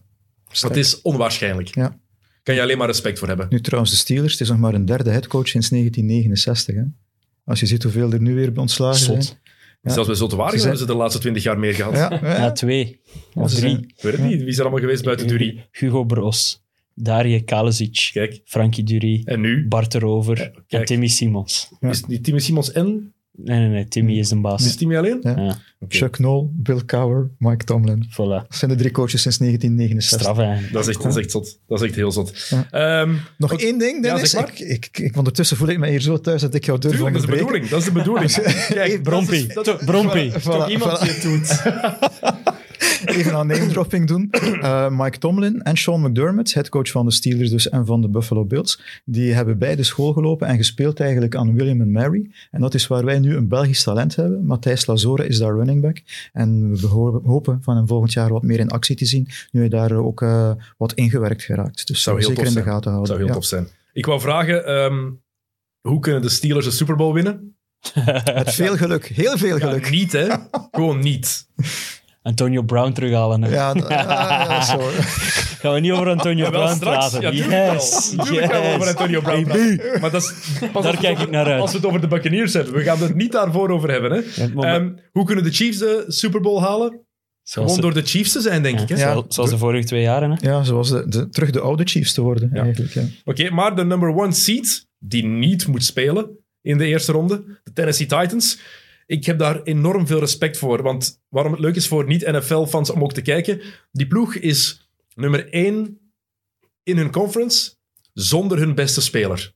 Ja, 31 oktober is Derrick Henry uitgevallen. Met, Vroeg uitgevallen, Ja. inderdaad. Eh. En, het is, en alles draaide rond hem. ja, vorig Alles jaar, draaide vorig rond jaar hem. meer dan 2000 yards gelopen met de bal. Dus En nu was hij ook goed op weg. hij om, was eh, inderdaad goed. En ze hebben, maar ze hebben hun spel aangepast, want ze kunnen, niet, ze kunnen hun spel niet blijven spelen, want Nee. ze, hij is er niet meer. ze hebben, ja, ze hebben het maar deels aangepast. En Eigenlijk hebben ze hem vervangen door drie, drie andere Drie running backs. Ja. Dus ze hebben wel drie man nodig gehad om hem te vervangen. Maar eigenlijk zijn ze tamelijk een beetje hun identiteit blijven behouden, vind Mhm. ik. Ehm, en ze hebben vooral ook goede defense gespeeld.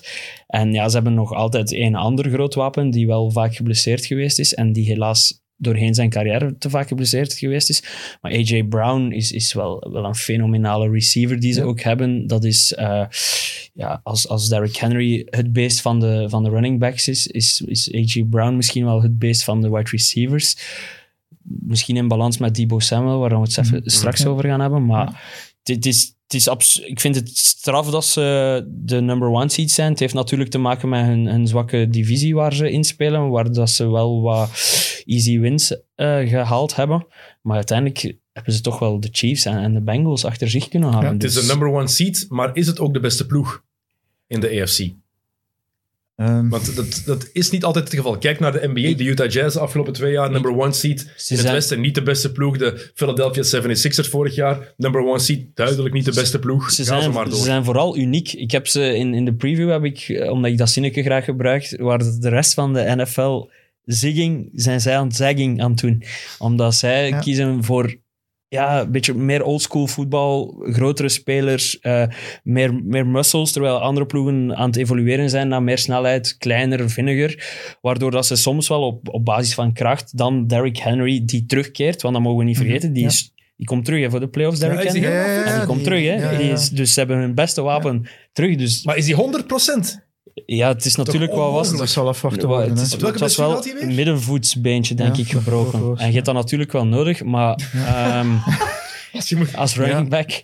Ja, anderzijds bij de Rams, eh, Cam Akers, die heeft in, in juli heeft hij zijn Achillespees gescheurd en die heeft zondag voor de eerste keer terug in meegespeeld. juli. Ja, Maar Henry is een Ah, monster. hè. volledig afgescheurd. ja, ja. ja, Is hij in een half jaar teruggekomen van een volledige... Ja.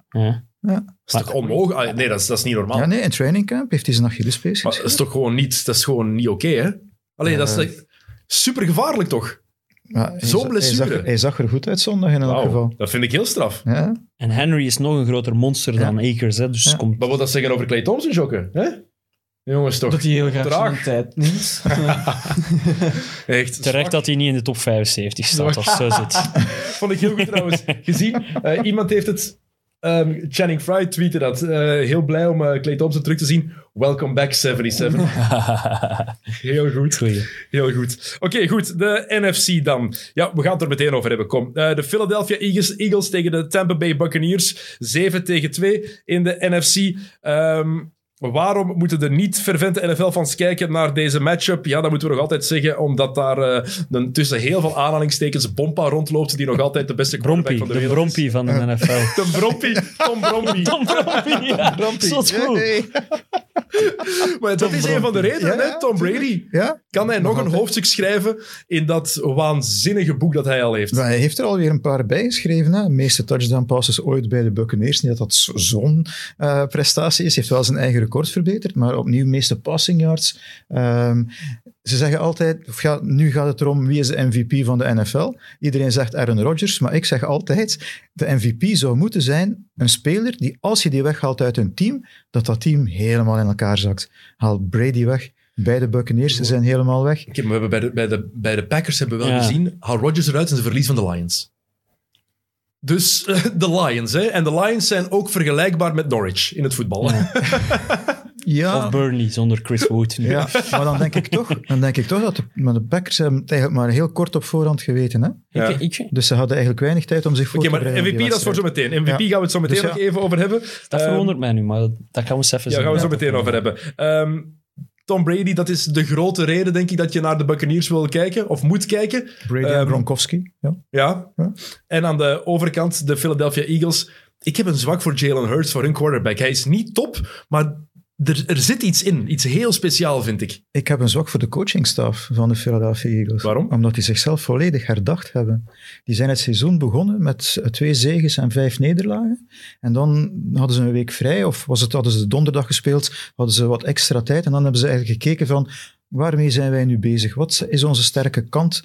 Eh, waar kunnen wij aanpassen? En waar in het begin Nick Sirianni, de headcoach, die eigenlijk voornamelijk met een passing game werkte, uit, zo'n coaching tree komt, heeft hij gemerkt van, oké, mijn passing game die doet het niet, maar we hebben wel een aantal goede running backs. We gaan op de run zetten. En ja, vanaf dan is het eigenlijk beginnen draaien. Zijn ze de beste running team geworden in de NFL. En nu zitten ze in de playoffs. Eh, ja. Wat niemand verwacht had. Eigenlijk super atypische ploeg ook. Hè. Wat, Ja. wat we daarnet bij de Titans zei- zeiden, kunnen we nu perfect ook over Philly zeggen. Want eigenlijk speelde die voetbal van, van, van 30 jaar geleden, Mhm. van 20 jaar geleden eigenlijk. eh, dus ik denk nu wel, Tampa... pff, Dus ja, Tom Brady is wel wat van zijn wapens kwijtgeraakt. Eh Godwin heeft zijn kruisband gescheurd en AB is, Antonio Brown is ja, voor mij het moment van het seizoen, Antonio Brown. Ik begin ga, gewoon... ga erop in. Ik begin gewoon te blinken als ik er mag over vertel vertellen. even, maar, voor de mensen die Ja, niet dus gevolgd ik- hebben, vertel even dus wat ja, ik zit, ik is. zit zondagavond voor mijn tv. Ik zit gewoon naar NFL Red Zone te kijken. Ik zie allemaal normale dingen. En plots zie ik, en plots zie ik een speler eh, in zijn bloot bovenlijf rondlopen op het veld, het publiek op te zwepen. En ja, uiteraard, je ziet het is Tampa. Je weet al hoe laat het is. Je weet, het is Antonio Brown. Eh, die dus blijkbaar op dat moment, hij had wel last van een blessure. Hij wou niet meer meedoen aan de wedstrijd. eh, tot tegenzin van zijn coach, die eigenlijk op dat moment gezegd heeft aan de zijlijn van you're out. Eh, ook echt het, het, het, het keelgebaar zou gemaakt hebben. En eigenlijk eh, gezegd hebben van ja, we kutten nu gewoon eigenlijk tijdens de wedstrijd. En op dat moment is Antonio Brown eh, voor degenen die naar vorige edities van, van, van de NFL specials hier geluisterd hebben, dat is diegene met zijn luchtballon, dat is diegene met zijn...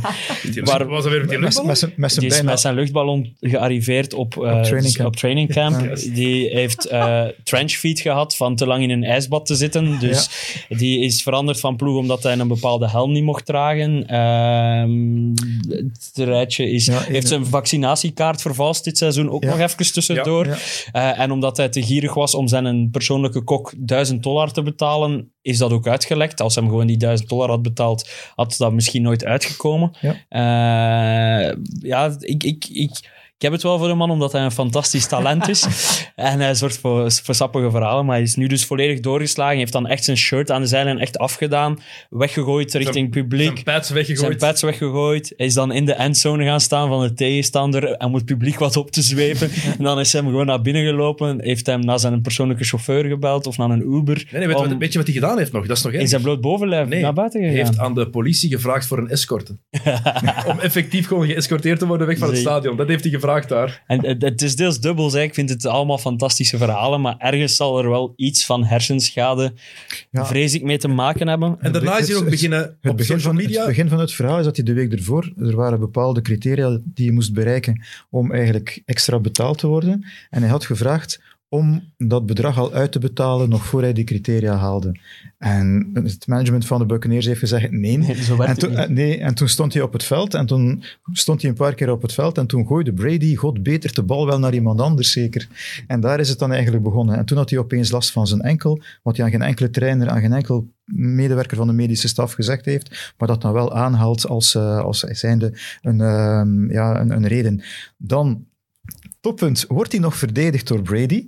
Ja. na de wedstrijd, zegt Brady van... Compassionate. Ja, compassionate, je moet ja, want hij heeft het niet makkelijk en dergelijke meer. Dan komt Tom Brady die hem in zijn huis heeft opgevangen. ja, hè? twee keer, hè? Zowel bij de Patriots als bij de Buccaneers heeft hij daar mogen slapen. Heeft hij een kamer gekregen daar. En dan komt hij in een podcast en dan zegt hij van, ja, Tom Brady is your best friend. Ja, tuurlijk is hij mijn beste vriend, want hij kan de bal naar mij gooien. Dan, Tom Brady heeft letterlijk ook gezegd, Tom, zo goed is Tom Brady niet. Dat is Nee. door, door zijn wapens. ja, Ah. ja, dus ja, dan denk je van, oké. Ja, ik vond eigenlijk het verhaal van Antonio Brown vet tot hem dat deed. Ik Ik had het vet gevonden als hij dan nog Brady verdedigde, Ja. om wat Brady allemaal voor hem gedaan Ik had. wou net zeggen, Brady heeft hem echt het hand boven het hoofd Maar Ja, en als je dan op dat moment ervoor kiest om echt iedereen voor de bus... Ik geloof, ergens geloofde ik wel het verhaal van zijn coach. En, Want zijn coach is er nooit van van geweest dat hij bij de ploeg kwam en zo. Maar dat je dan inderdaad ook effectief Brady voor de bus begint te gooien. Die De enige carrière, mens- de enige mens die je carrière twee keer gered heeft. Ja. eh, en die, je letterlijk thuis heeft laten slapen. Hè, binnen, binnengelaten bij je thuis. Dat je die dan ook nog eens voor, voor de bus gooit. Ja, Antonio, ik was mee in uw verhaal tot daar. Ja, en dan heeft hij ook nog ehm, sms'en online gezet tussen hem en de coach, zo gezegd, waarin hij had duidelijk gemaakt dat hij geblesseerd was. Maar niemand weet, is dat echt of Ja. niet? Ja, maar, maar blijkbaar zou hem wel effectief geopereerd moeten worden. Zit hem blijkbaar echt met gebroken stuff in zijn. Dus het is, Ja. het is wel allemaal wat Ja, dubbel. dus- maar Plus ook Alex Guerrero heeft die, wat dus, die is eigenlijk de beste vriend van Brady ook, omdat zij samen hebben TB12. zo'n Eh, voed, voeding... keten, eh, fitnessketen en ja. een eh, alternatieve manier van voeding en dergelijke meer. Die dus ook zijn personal trainer was. En omdat hij nu bij de Buccaneers weg was en hij niet meer getraind ging worden door Guerrero, heeft hij nog korting gevraagd ook. Ja, heb ik gezien, inderdaad. En die heeft er nog goed op gereageerd, Guerrero. ja. Heel respectvol. Ja. Geen probleem, ik ga Ja. je geld Ja, teruggeven. Waanzin. Dus- Waanzin, waanzin. Oké, goed. Wat wel leuk is ook om even over het sportieve weer. Oké. Door de blessures die er onder, aan- onder andere zijn bij de Buccaneers. Doordat hun run defense niet goed meer is gewoon de laatste tijd. Ehm, en doordat ze bij de Eagles goed kunnen lopen. Zeker met Jalen Hurts hebben ze een quarterback die heel mobiel is. Die heel veel kwaliteit heeft. Die een running back moet hebben. Kan dit nog wel eens een heel competitieve match worden? Dit is geen, dit is geen verzekerde overwinning voor de, voor de Bucks, vind ik. Maar ik denk, eh, Shaq Barrett komt terug op de verdediging van de Bucks. Er zijn er een paar. Maar Lavonte David David al terug? Ah ja, die Eh, ging ik vragen. Dat die David nou is uitgevallen. Die is heel Dat belangrijk. is de generaal Ik van de denk- verdediging, zeg Ik maar. denk dat hij terugkomt hoor. Ben je zeker? Ik denk dat hij, eh, die stond op injured reserve en die is designated to return. Wat dus wil zeggen dat hij binnen de 20 dagen terug actief kan worden. Ja, 20 dagen, dat is een Ja, hele... want het is vorige week al. Dus, Ja. eh, oké.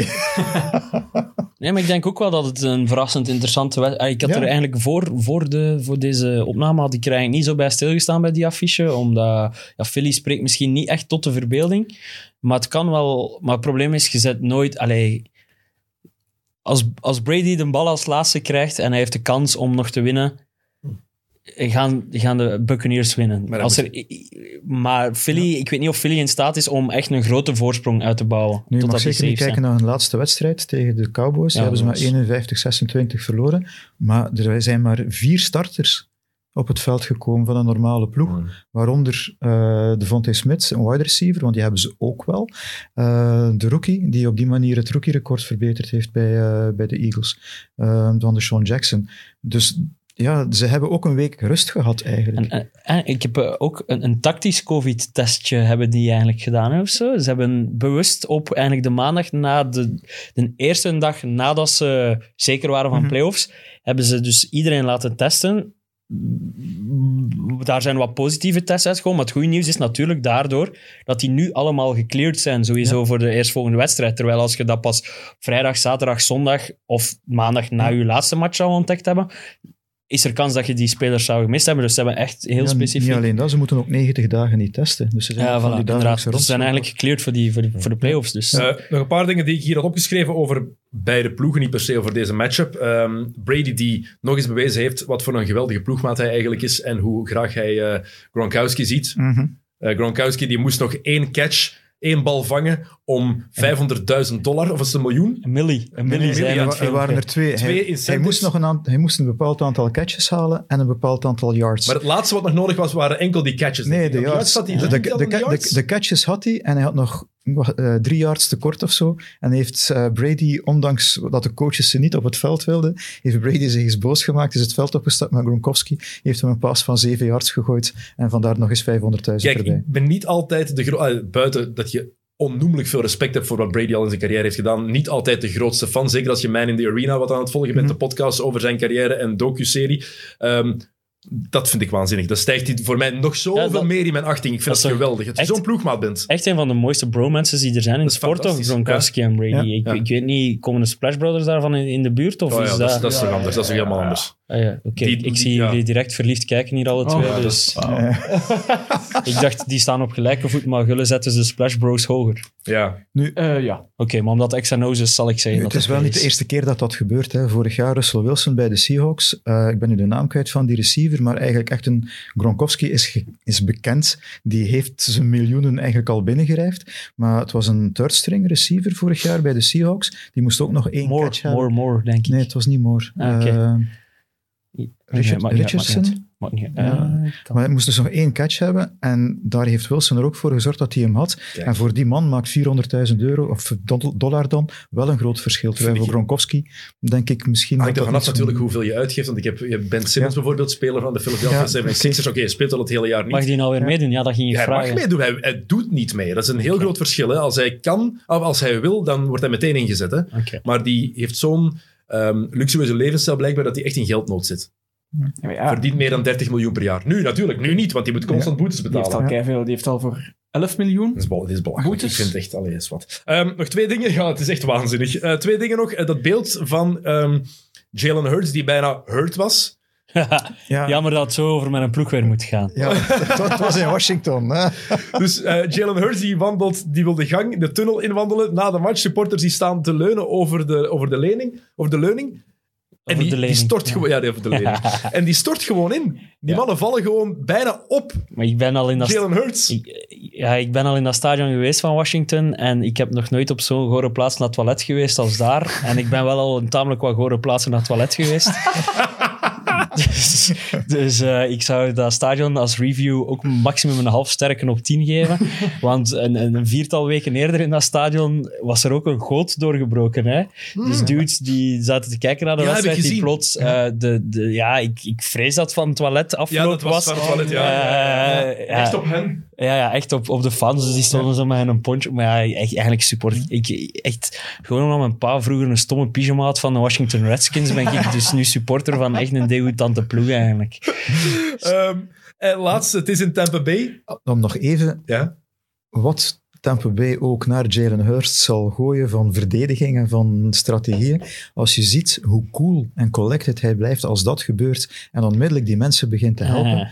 Is wel een cool cucumber. Het is gewoon echt niets, hè. Nee, echt. Hij zat er bijna mee onder. En Ja. het eerste wat hij doet is dan kijken, er ligt daar iemand. Ik denk dat Die het had een toch echt de playoffs gemist als die die mensen op zich had Ja, gekregen. ja. En, en meteen die mensen helpen en kijken, is alles oké? En, en meteen op de foto gaan, hè. die- ja, ja, die, die, die- ja, ja, ja, ja. Dat is zo'n vreemde cultuur dat wij toch in leven. Er Ja. gebeurt een ramp. Het eerste Ja. waar mensen aan denken is, we gaan op de foto. Maar zeker die Toch wel dat onderste. hij op de grond Ja, ligt. dus, die kon- dus ik zou nog twee dudes onder een nadar en onder- er staan erop foto's te trekken. En echt- Ja, maar de, de ene die het hardste valt onderaan, die staat ineens recht en meteen... Ja, foto. ja, ja, foto, foto. Doe het. Je had net daarna nek absurd. kunnen breken. Rare maatschappij Maar- Dat is toch? Eh, het is in Tampa Bay. Ja. Daar, als een, een touchdown gescoord wordt, worden die kanonnen afgevuurd. Ik vind dat zo belachelijk. ik vind dat echt zo ongelooflijk belachelijk. Allee, stel je voor dat je manneke Ja. van zes bent. Kom. Je komt toe met een piratenhoed en een oogklap. Ja, en Tom Brady houdt een touchdown. En je kijkt naar dat kanon. En dat kanon schiet. Dan zeg je toch... Arr. Nee? Ja. Ik zie nu enkel die piraat voor mij van SpongeBob. Ja. Of Ja. beeldt u mij in als piraat? Heel graag. Ja, je als piraat wel beter. Als Tampa Bay, wacht even. Jurgen, als Tampa Bay de Super Bowl opnieuw haalt, zit jij hier als piraat in onze Oké. Super Bowl preview. Deal. Met een piraat op je schouder. Ja. Een papegaai. Ja, een piraat op mijn schouder, ja. Als extra. Oké, en een ooglap. Ik En een houten been, dat als ik niet en dan zo...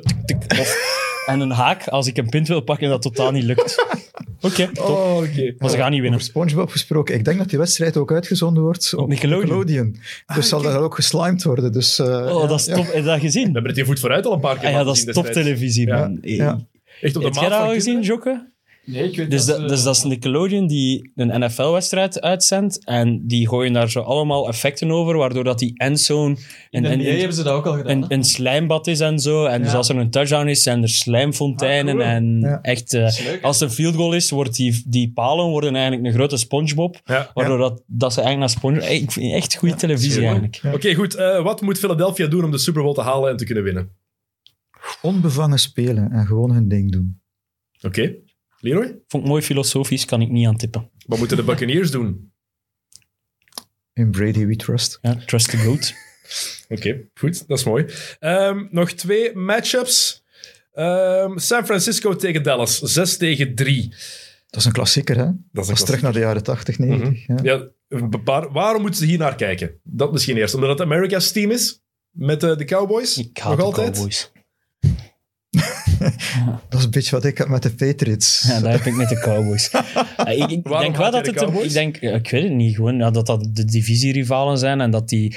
Dat is een beetje het anderlecht van de NFL. Hè. De dikke nekken, America's team worden die genoemd, omdat die wel ja, de iconische ster, eh, de- het meest gevolgde team, als, als de, De eerste als- van de eerste 20 jaar 18 keer in de playoffs, twee Super Bowls. Ja, gewonnen, dat is een goede reden, maar dat maakt ze niet sympathieker. Hè. Nee, nee, nee. Nee, dus een beetje, ja, een beetje het Hotijnen, de Hotijnen ploeg heb ik de indruk. Maar Mhm.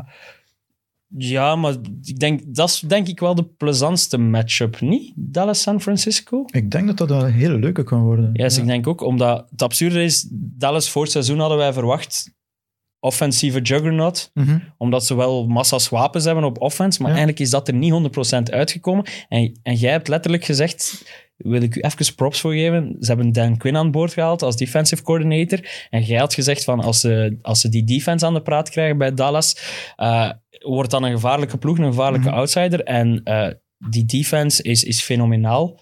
Mede door rookie Micah Parsons, die ongelooflijk indrukwekkend is en die Washington nog vele jaren kapot gaat maken, helaas. Ehm, maar je dus... Iedereen maakt... Washington maakt, zichzelf kapot. Dus Dat is waar. Maar eh, dus ja, sterke defense. En, en San Francisco, ja, dat is ook een machine hè, onder, onder Shannon. Ups en downs. Ja. Ze- ze- Maar het, het probleem is dat er geen, geen continuïteit Bij is. alle twee niet, hè? Nee. Er zijn zo van die wedstrijden dat ze er beide precies niet bij zijn. Dus je hebt, Dus, je hebt eigenlijk het scenario, ofwel zijn ze alle twee top en wordt dat echt een klassieker Mhm. van een wedstrijd, ofwel is er één van de twee slecht, wordt het een blowout van je welste, ofwel zijn ze alle twee slecht en dan ja, kijk je naar iets anders. Hè? ja, het is ook in Dallas. Maar is het wel een voordeel voor de Cowboys dat ze in Jerry World gaan spelen? Is dat nog wel een voordeel? Ze zijn niet altijd beter in eigen huis. Nee, ze hebben ook thuis verloren op Thanksgiving van de Raiders. Een wedstrijd die ze eigenlijk hadden moeten winnen. Jerry World. Eh, Ja, het is toch Jerry World? ja, Dat is toch een live goal. Dat er ooit iets naar u bij World erachter noemt. Jerry, dat is, dat is de eigenaar van de Jones, Cowboys, hè, al jarenlang. Ja. Een eh, heel speciale mens. En het stadion. Ik weet zelfs niet, niet hoe het echte stadion heet. Als Voor mij is het Jerry World. AT&T Stadium. Als ik vroeger zo Rollercoaster Tycoon speelde, noemde mijn pretpark ook altijd Leroy World. Kijk, het AT&T AT&T Stadium. Ja. Het, San- het stadion van de San Antonio Spurs. Ja. AT&T. Ja, kan ooit Leroy World worden. Hè? Greg World hè, is dat. Ja. Pop, World. Poppo Pop World. World. Maar is het wel een voordeel dat ze thuis spelen?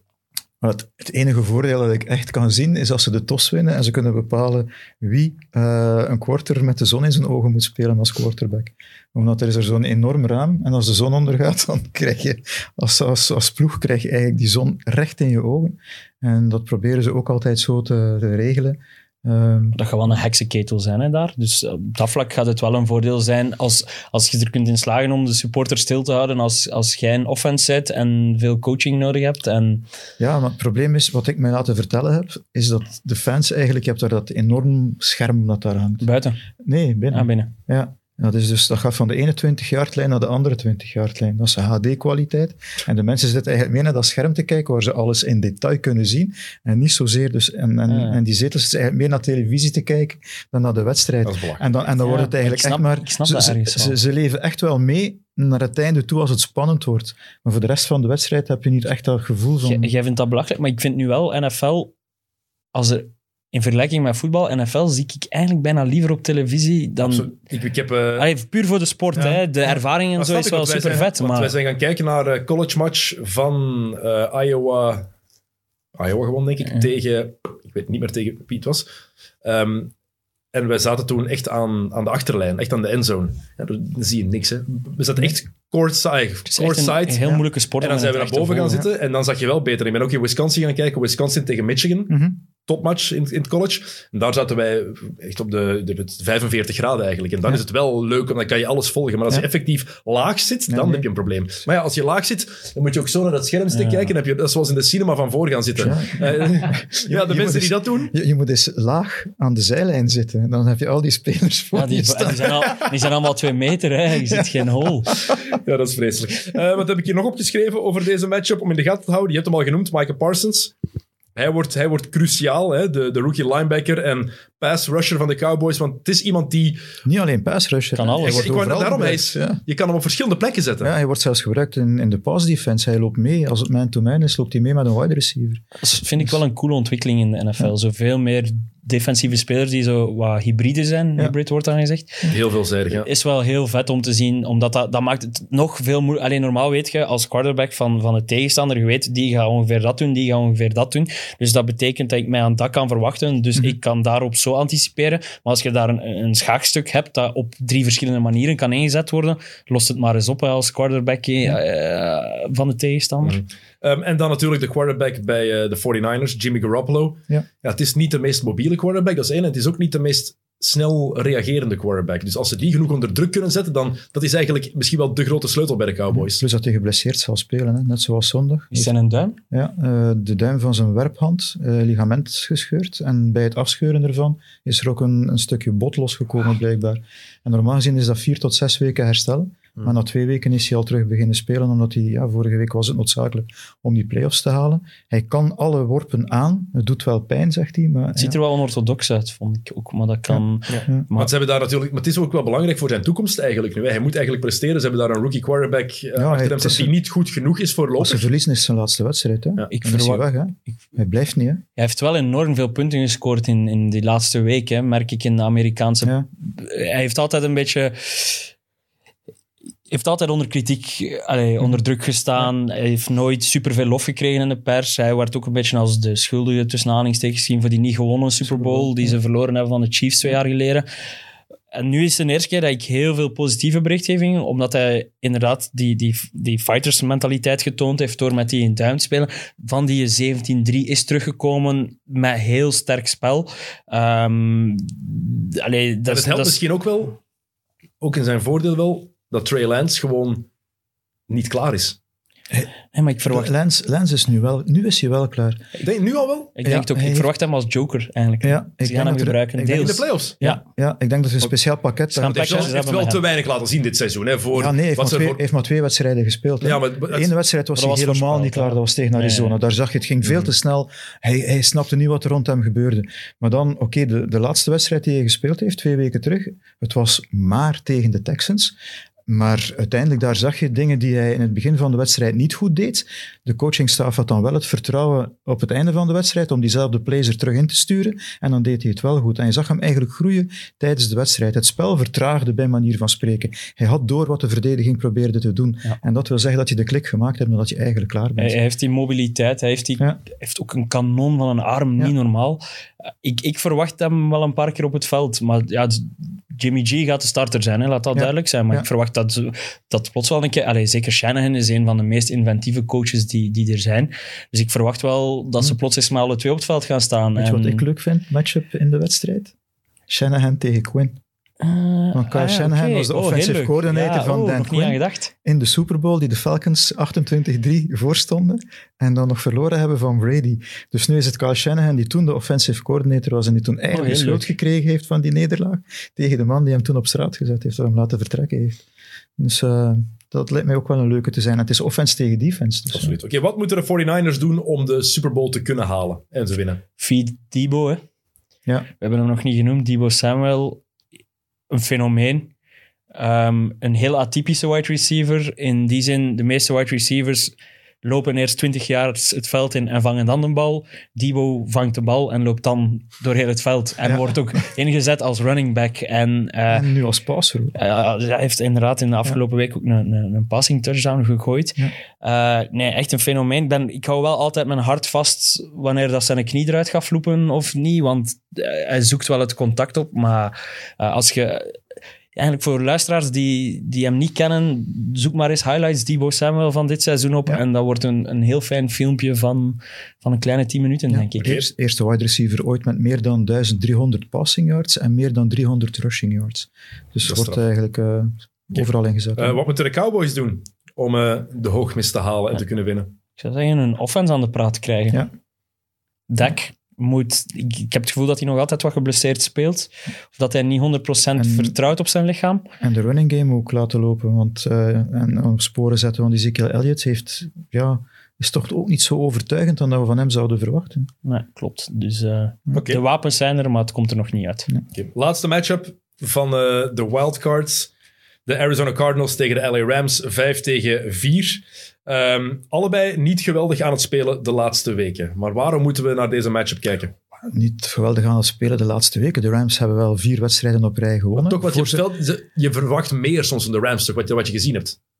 Ja, Er is daar Stafford, ze halen wel. Stafford daar binnen als de man, de quarterback die het moet doen. En hij is beter dan wat ze hadden met Goff. Niet moeilijk Mhm. natuurlijk ook. Maar Stafford ook niet goed genoeg. Hè? Hij heeft wel bijna weer het passing record met een Dat maar- receiver maar- neergezet. hij toch, er zijn altijd, elke match zijn er wel één of twee momenten waar je denkt, oef. Ja, maar dat is, dat is typisch Stafford, denk ik. Ja. maar dat is het probleem toch Hij net. is een gunslinger. Ah, ik ben, ben blij dat ik dat woord eens heb kunnen gebruiken. Ik vind dat een vet woord. Maar dat is toch net En een van de problemen. en Dat nu is, als West-Vlaming moet ik durven zeggen, een kort geheugen. Ja, oké. Ja, mooi. Hij heeft dat ook. Hè. Hij gooit onderscheppingen en dan doet hij gewoon verder. Hè. Ja. Oké, maar dus waarom moeten we kijken naar deze matchup? Wel, omdat die twee elkaar ook al twee keer tegengekomen zijn dit seizoen. Hè. En iedereen dacht, Arizona 7-0 begonnen dit seizoen. Die gaan ook weer vrij makkelijk die NFC West winnen. Maar die zijn dan, hebben een terugval gekend. Murray opnieuw geblesseerd geraakt. Ehm, en dan hebben de Rams hun, hun kans gegrepen. Ook in het midden van het seizoen de Rams ook een dipje gehad. En uiteindelijk zijn het wel de Rams die de, de divisie gewonnen hebben. En daardoor nu thuis kunnen spelen tegen Arizona. Is eh DeAndre Hopkins is die fit? Waarschijnlijk nog niet. Hè? Nog niet? Nee. Dus dat is wel een, ze zijn eigenlijk zonder hun beste receiver, eh, de Cardinals. Ja. Maar Kyler Murray, Kyler Murray is, wel, is wel een fenomeen. hè. Zo- Maar Cal- J.J. Watt zou wel terug zijn, denk ik. Maar Kyler Murray is wel iemand die ook vaak in, vroeg in het seizoen piekt. Hè? Ja, Ja. Ik, ik vergelijk me een beetje met Eli Iserbiet het veldrijden. maar snap je de vergelijking? ook omdat de man een meter 40 is. Ja, Bijvoorbeeld, maar ook omdat die in het begin van het seizoen Sorry, zijn die op op het, in het begin van het seizoen zijn die op hun best. ja nee. Mr. November. Maar dat komt- Allebei. bij Eli komt dat wel omdat de rest niet mee Ja, dat weet ik wel. maar die piekt ook wel Ik hoop dat Eli niet luistert, want ik heb hem nu twee keer... Eli, goed seizoen, maat. Hij kan Eh, ook wereldkampioen worden. Hè? En wel- Murray kan nog altijd... de wereldbeker heeft hem al gewonnen, toch? Zo goed als, denk ik. Ja, Ja, voilà, en Murray kan nog altijd Super Bowl MVP worden. Dat is waar. Het kan zeker. Maar, Maar, een, maar een groeischeut zit er niet meer in. Moet er iemand nog een pintje hebben of zo? ja, dat mag wel. Ja, voor mij ook, Ja. alsjeblieft. Ehm, De Rams hebben in week 14 wel eh, gewonnen van de Cardinals. Met 30-23. Is dat Mhm. van belang? Die ene match? Wat was de eerste match? Dat heb ik hier, dat heb ik hier niet op staan. Oké, ja, ik wou even testen hoe profound uw voorbereiding was. Profound genoeg, maar kijk. Hey, Sorry, Dennis. het, is nooit, het is altijd per ongeluk als ik je zo het in zak blijft vrijwillig. Leroy, het is, het is en blijft het is met bier, man. Ja, Dus stop. Nee, ik denk niet dat, dat we veel... dankjewel. De vraag is echt hoe, hoe hard Kyler Murray al terug is. Mhm. Ja, maar Dat- is, ja, Kyler Murray, het is voormalige nummer 1 pick. Heerlijke speler om te zien. Maar zijn impact gaat wel echt groot moeten zijn voor de, voor de Cards om, eh, om verder te kunnen gaan. Ja, En hij krijgt Ar- Aaron, eh, Aaron Donald achter zich. Hè? Ja. Dus eh Kyler, Murray, Kyler Murray is zelf 1 meter... Hoe groot is die? Ah, excuseer, mijn voorbereiding was wel goed. In week 4 heeft Arizona gewonnen met 37-20. Oké, top. Klasse voorbereiding. Kijk. En toen hebben de Cardinals Donald uit de match gehouden ook trouwens. Ja, ik denk dat dat, weer, Ja. dat wordt weer de sleutel in Dat deze de wedstrijd. Want ja. als Kyler Murray moet gaan gooien over eh, Aaron Donald, heeft hij wel een probleem. aangezien- Want in de tweede match had hij drie sacks, Donald op Murray. Heeft hem, hem 14 keer onder druk gezet. Ja. Dus dat is wel de sleutel natuurlijk ook nee, voor ik de denk Rams. dat, eh, en de sleutel, het verschil tussen die week 4 en die week 11 was het zeker, of ja, is denk ik, Von Miller is er toen bijgekomen bij de Rams. Waardoor er twee pass rushers zijn. Je hebt zowel Von Miller als Aaron Donald, Super Bowl MVP, hè? Ja, Super Bowl 50, Ja, dacht ik, met de, met de Broncos. Mhm. Dus daar heb je, ja, Dat is dan die extra druk weer. Want, en ze hebben ook OB, eh, Odell Beckham Jr. speelt nu bij de Rams. En je ziet die twee mannen, die spelen met plezier. Ja, dat zijn eigenlijk echt de Galacticos van... Ja. eh, Als, ik, als we moeten vergelijken, is dat Real Madrid van, van, van de NFL. Maar hè. ook, maar ook een beetje boomerang-effect. hè.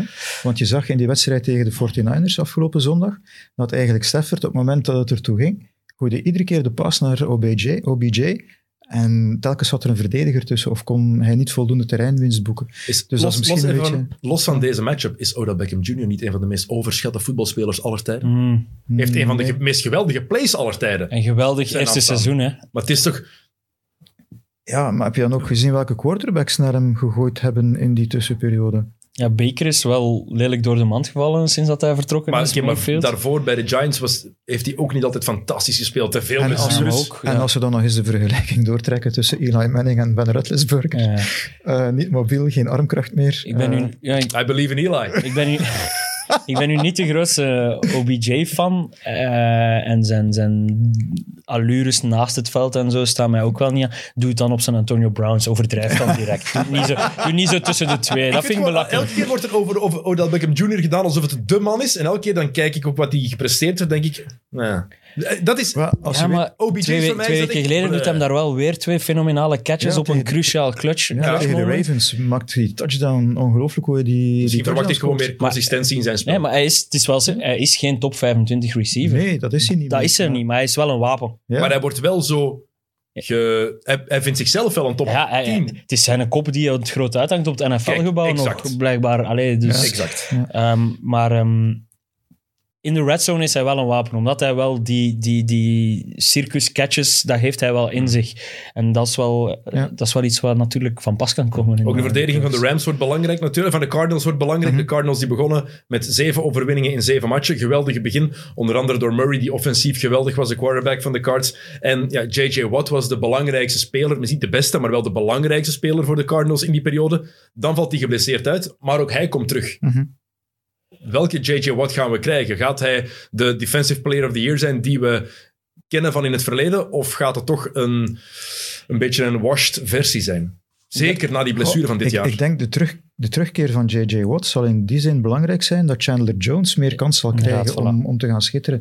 En dat ze hem niet zullen kunnen dubbelteamen. Wat wil zeggen dat er twee offensive linemen tegenover één eh, verdediger gebruikt worden voor de mensen die, om het niet te technisch te laten worden. Mhm. Nu zullen ze op elk één moeten zetten waarschijnlijk, of één van de twee zal kunnen vrijkomen als er... Want je hebt ook maar zoveel mensen die je kan gebruiken op die offensive line, of je hebt geen wapens meer om de bal te gooien of te lopen met de bal. Dus misschien dat de komst van J.J. Watt, Chandler Jones, meer kansen zal geven. Hm. En een naam die we nog niet genoemd hebben. Cooper Cup. Ja. Ja, wel genoemd daar straks, maar nog niet over gehad. Ik we heb jij? Ja, sorry.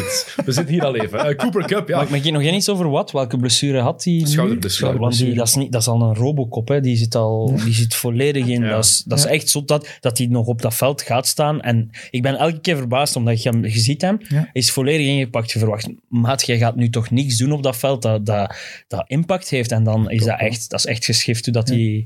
Ik vind het ook maf, die gast. Dat is echt dat is een, dat is een, dat is een tank, hè. En dat is de broer van, Van TJ Watt. van TJ, TJ dus Ja. defensive MVP. En ze hebben nog een derde broer. Derek, Derek Watt, en die is, Het full- is die is DJ Watt dan. Eh, ja, sorry, je kan, niet, nee. je kan niet TJ, JJ en dan Derek hebben. Dan is het Ja, TJ ja, Watt. ja. Maar Derek, Maar, maar die is fullback bij de ja, Steelers. Derek is ook een fullback en een loser. Dus. maar hij, Maar hij zit wel in de NFL, dus... ja, dat zou ik geen loser durven Nee. noemen. Hè. Die wordt ik weet niet hoeveel betaald. is de best Ja. betaalde fullback die het minste werk doet. Ja, voilà. Dan is het wel fullbacks. gemaakt in het leven eigenlijk. Absoluut, absoluut. Eh, maar Cooper Cup, ja, Ja. dat is ook een fenomeen bij de Rams. Ja, nu dit Zijn cijfers dit jaar zijn, Ja. Zijn belachelijk. Heeft de records niet verbeterd, maar wel de man die zei van als ik ze verbeter, moet er zeker een sterretje naast mijn naam staan, want ik heb veel respect voor de spelers die het in 16 wedstrijden gedaan hebben, waar ik er 17 nodig had.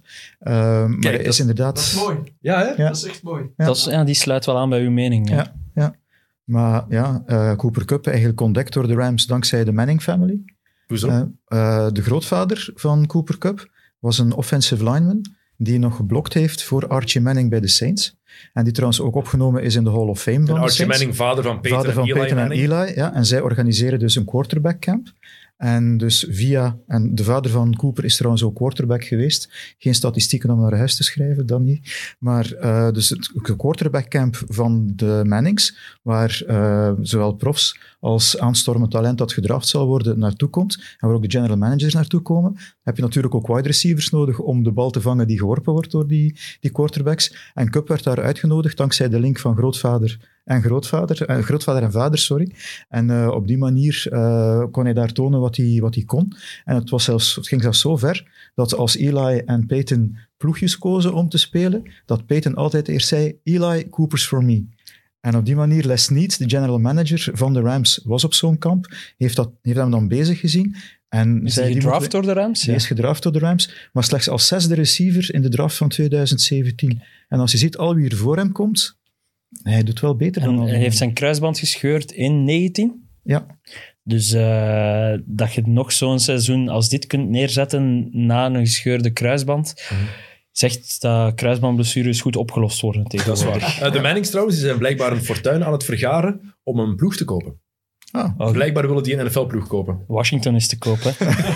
de Washington Mannings. Denver is ook te kopen. Ah. En Ja, er wordt daar zijn gezegd wel dat wat dat duidelijkere misschien- links. En dat zou, er wordt gezegd dat dat misschien al volgende week zou kunnen beslist worden wie daar eh, de nieuwe eigenaar wordt. je weet maar nooit. Ehm, goed, eh, wat moet er gebeuren voor de Cardinals om de Super Bowl te halen en te winnen? Eh, Murray moet de pannen van het dak spelen. En in afwezigheid van DeAndre Hopkins zullen ze moeten proberen om tight end Zach Ertz vrij te krijgen. Want dat is toch wel een belangrijk wapen geworden. En James Conner hè, moet fit zijn. Moet kunnen lopen met de bal. Ja. James Conner, dat is ook een mooi verhaal. Ook eh, zwaar gevochten tegen kanker. Eigenlijk, ja, zodat hij nog zo'n carrière nog kan neerzetten. Ja, Ook in, Speelde aan de Universiteit van Pittsburgh, is daar teruggekomen, dan gedraft door de Steelers. Daar een paar goede seizoenen neergezet en dan nu bij de Cardinals aan de slag. Ja. Oké, en wat moet er gebeuren voor de Rams om de Super Bowl te halen?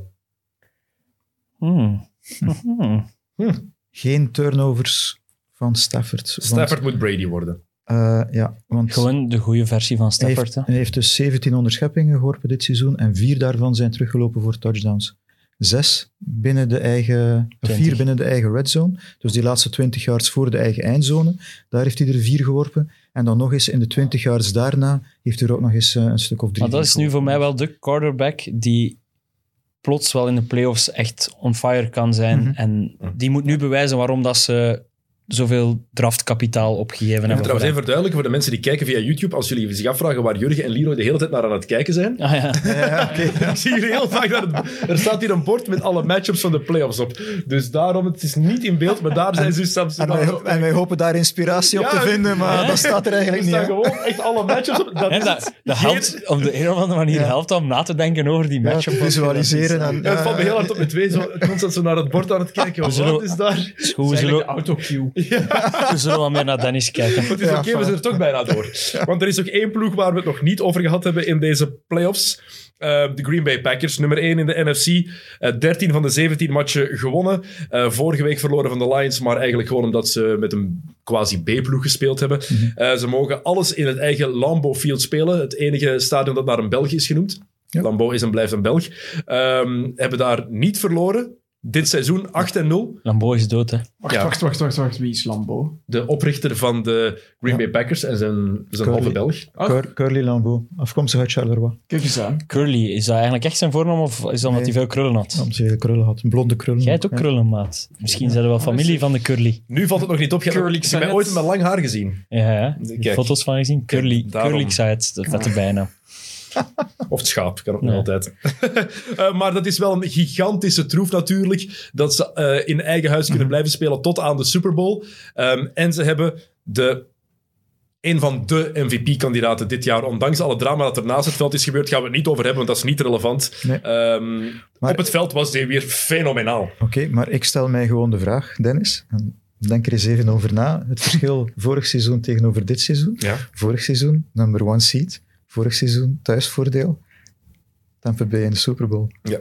Jurgen, jij bent de specialist. Ja, mij die vraag niet stellen. Ja, ja, ja, nee. Maar wat hebben de Packers meer nodig dan dat om de Super heeft Bowl nu te wel lang haar. Hè? Vorig jaar was hem kort, nu heeft hij Ja, Super Saiyan haar. Ja, dus. ja. En nu is hij kwaad op die ene journalist die al voor het seizoen gezegd had ik ga niet op jou stemmen omdat je een lul bent. Ja. Want Die journalist die trouwens nooit meer voor de MVP zou mogen stemmen. Wat een schandaal. Ah, Oké, dus je zit daar wel mee eens dat persoonlijkheidsstoornissen en zo niet mogen meetellen voor Als je MVP. al voorhand beslist voor het seizoen, hij krijgt zeker, ik ga hem zeker niet tot MVP stemmen, puur om persoonlijke redenen, dan ben je die MVP-stem niet waard. Je moet, als je daarvoor stemt, moet je kunnen kijken naar wat er gebeurt op het veld. En een MVP-verkiezing gaat alleen maar over wat er op het veld gebeurt. Want het was de gouden schoen gisteren, we nemen dit op op donderdag, en er werd dan gezegd, ja, Noah Lang gaat ehm, stemmen verloren hebben door zijn maniertjes. Vind ik complete waanzin. Ja. Het is belachelijk.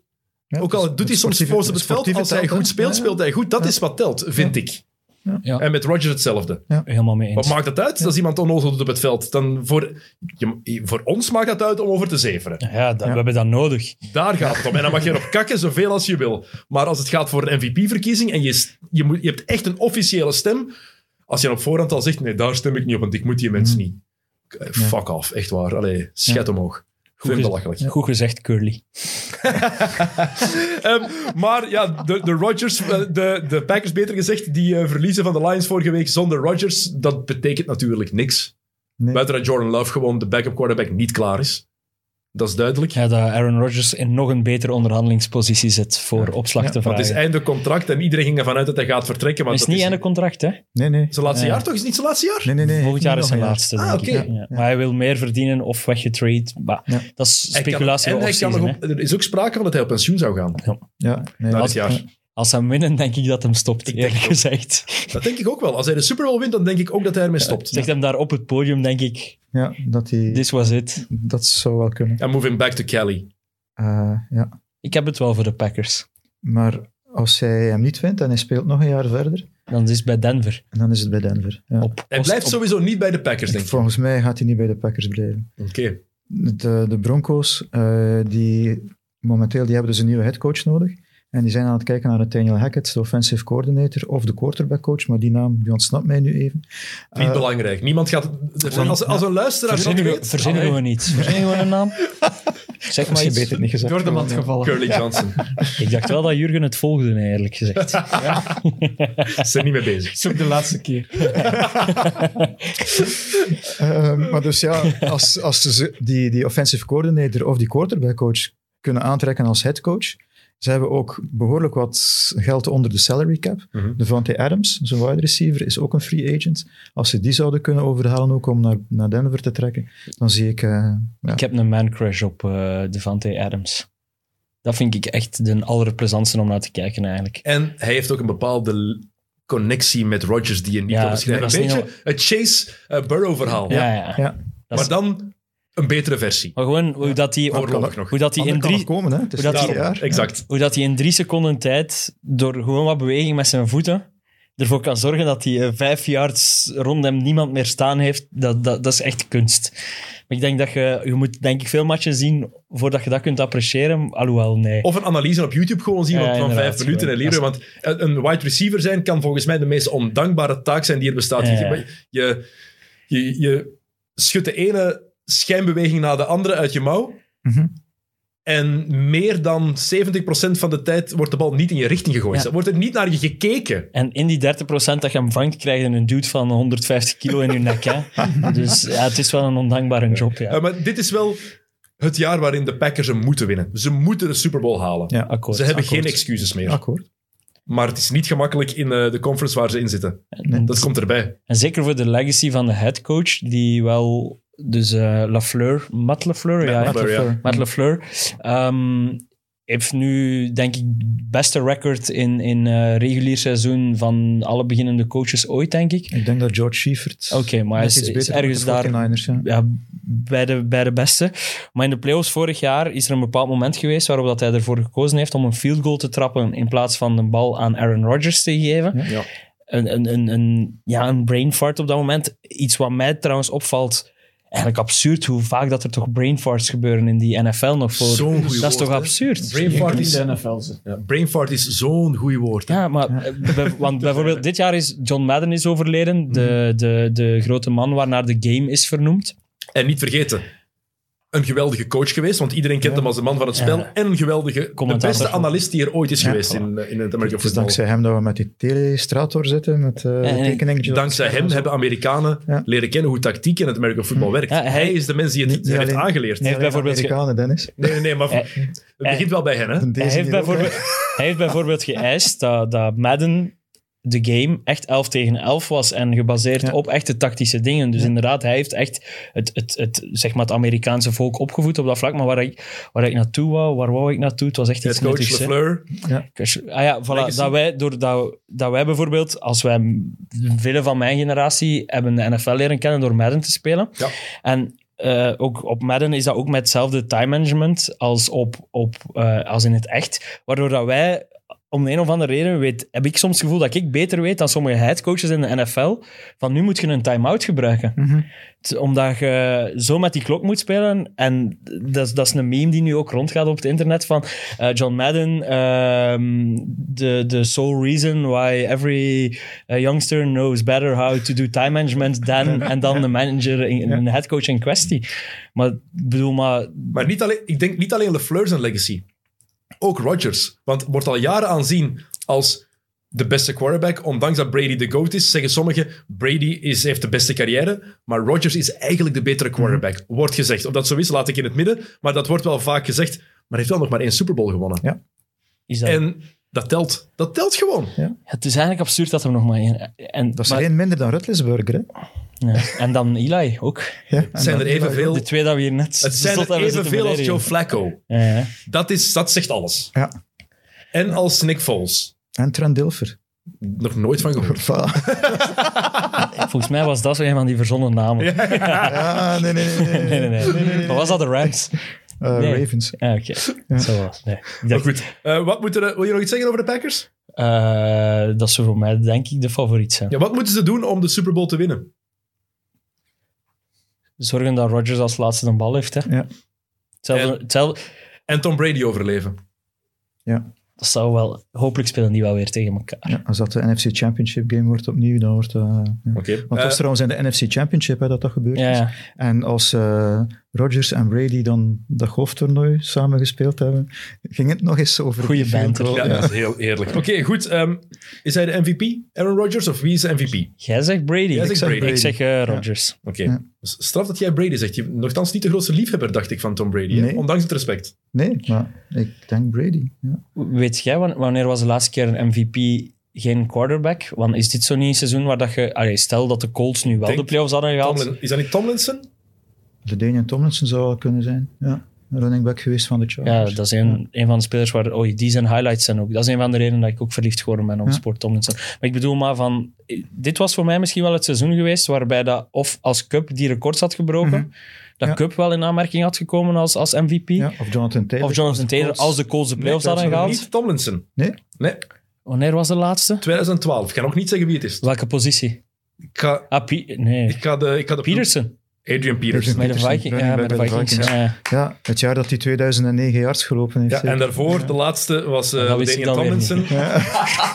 daarvoor was het Ladainian Tomlinson en Sean Alexander. De laatste keer dat het geen quarterback of running back was. Als je dat weet, Dat is een punt. Dat was een kikker van Lawrence- Washington. Lawrence, Lawrence Taylor in 1982. 86. 86. Maar het is wel Ja. inderdaad Lawrence Taylor. En van, van Washington is het ooit een kikker geweest.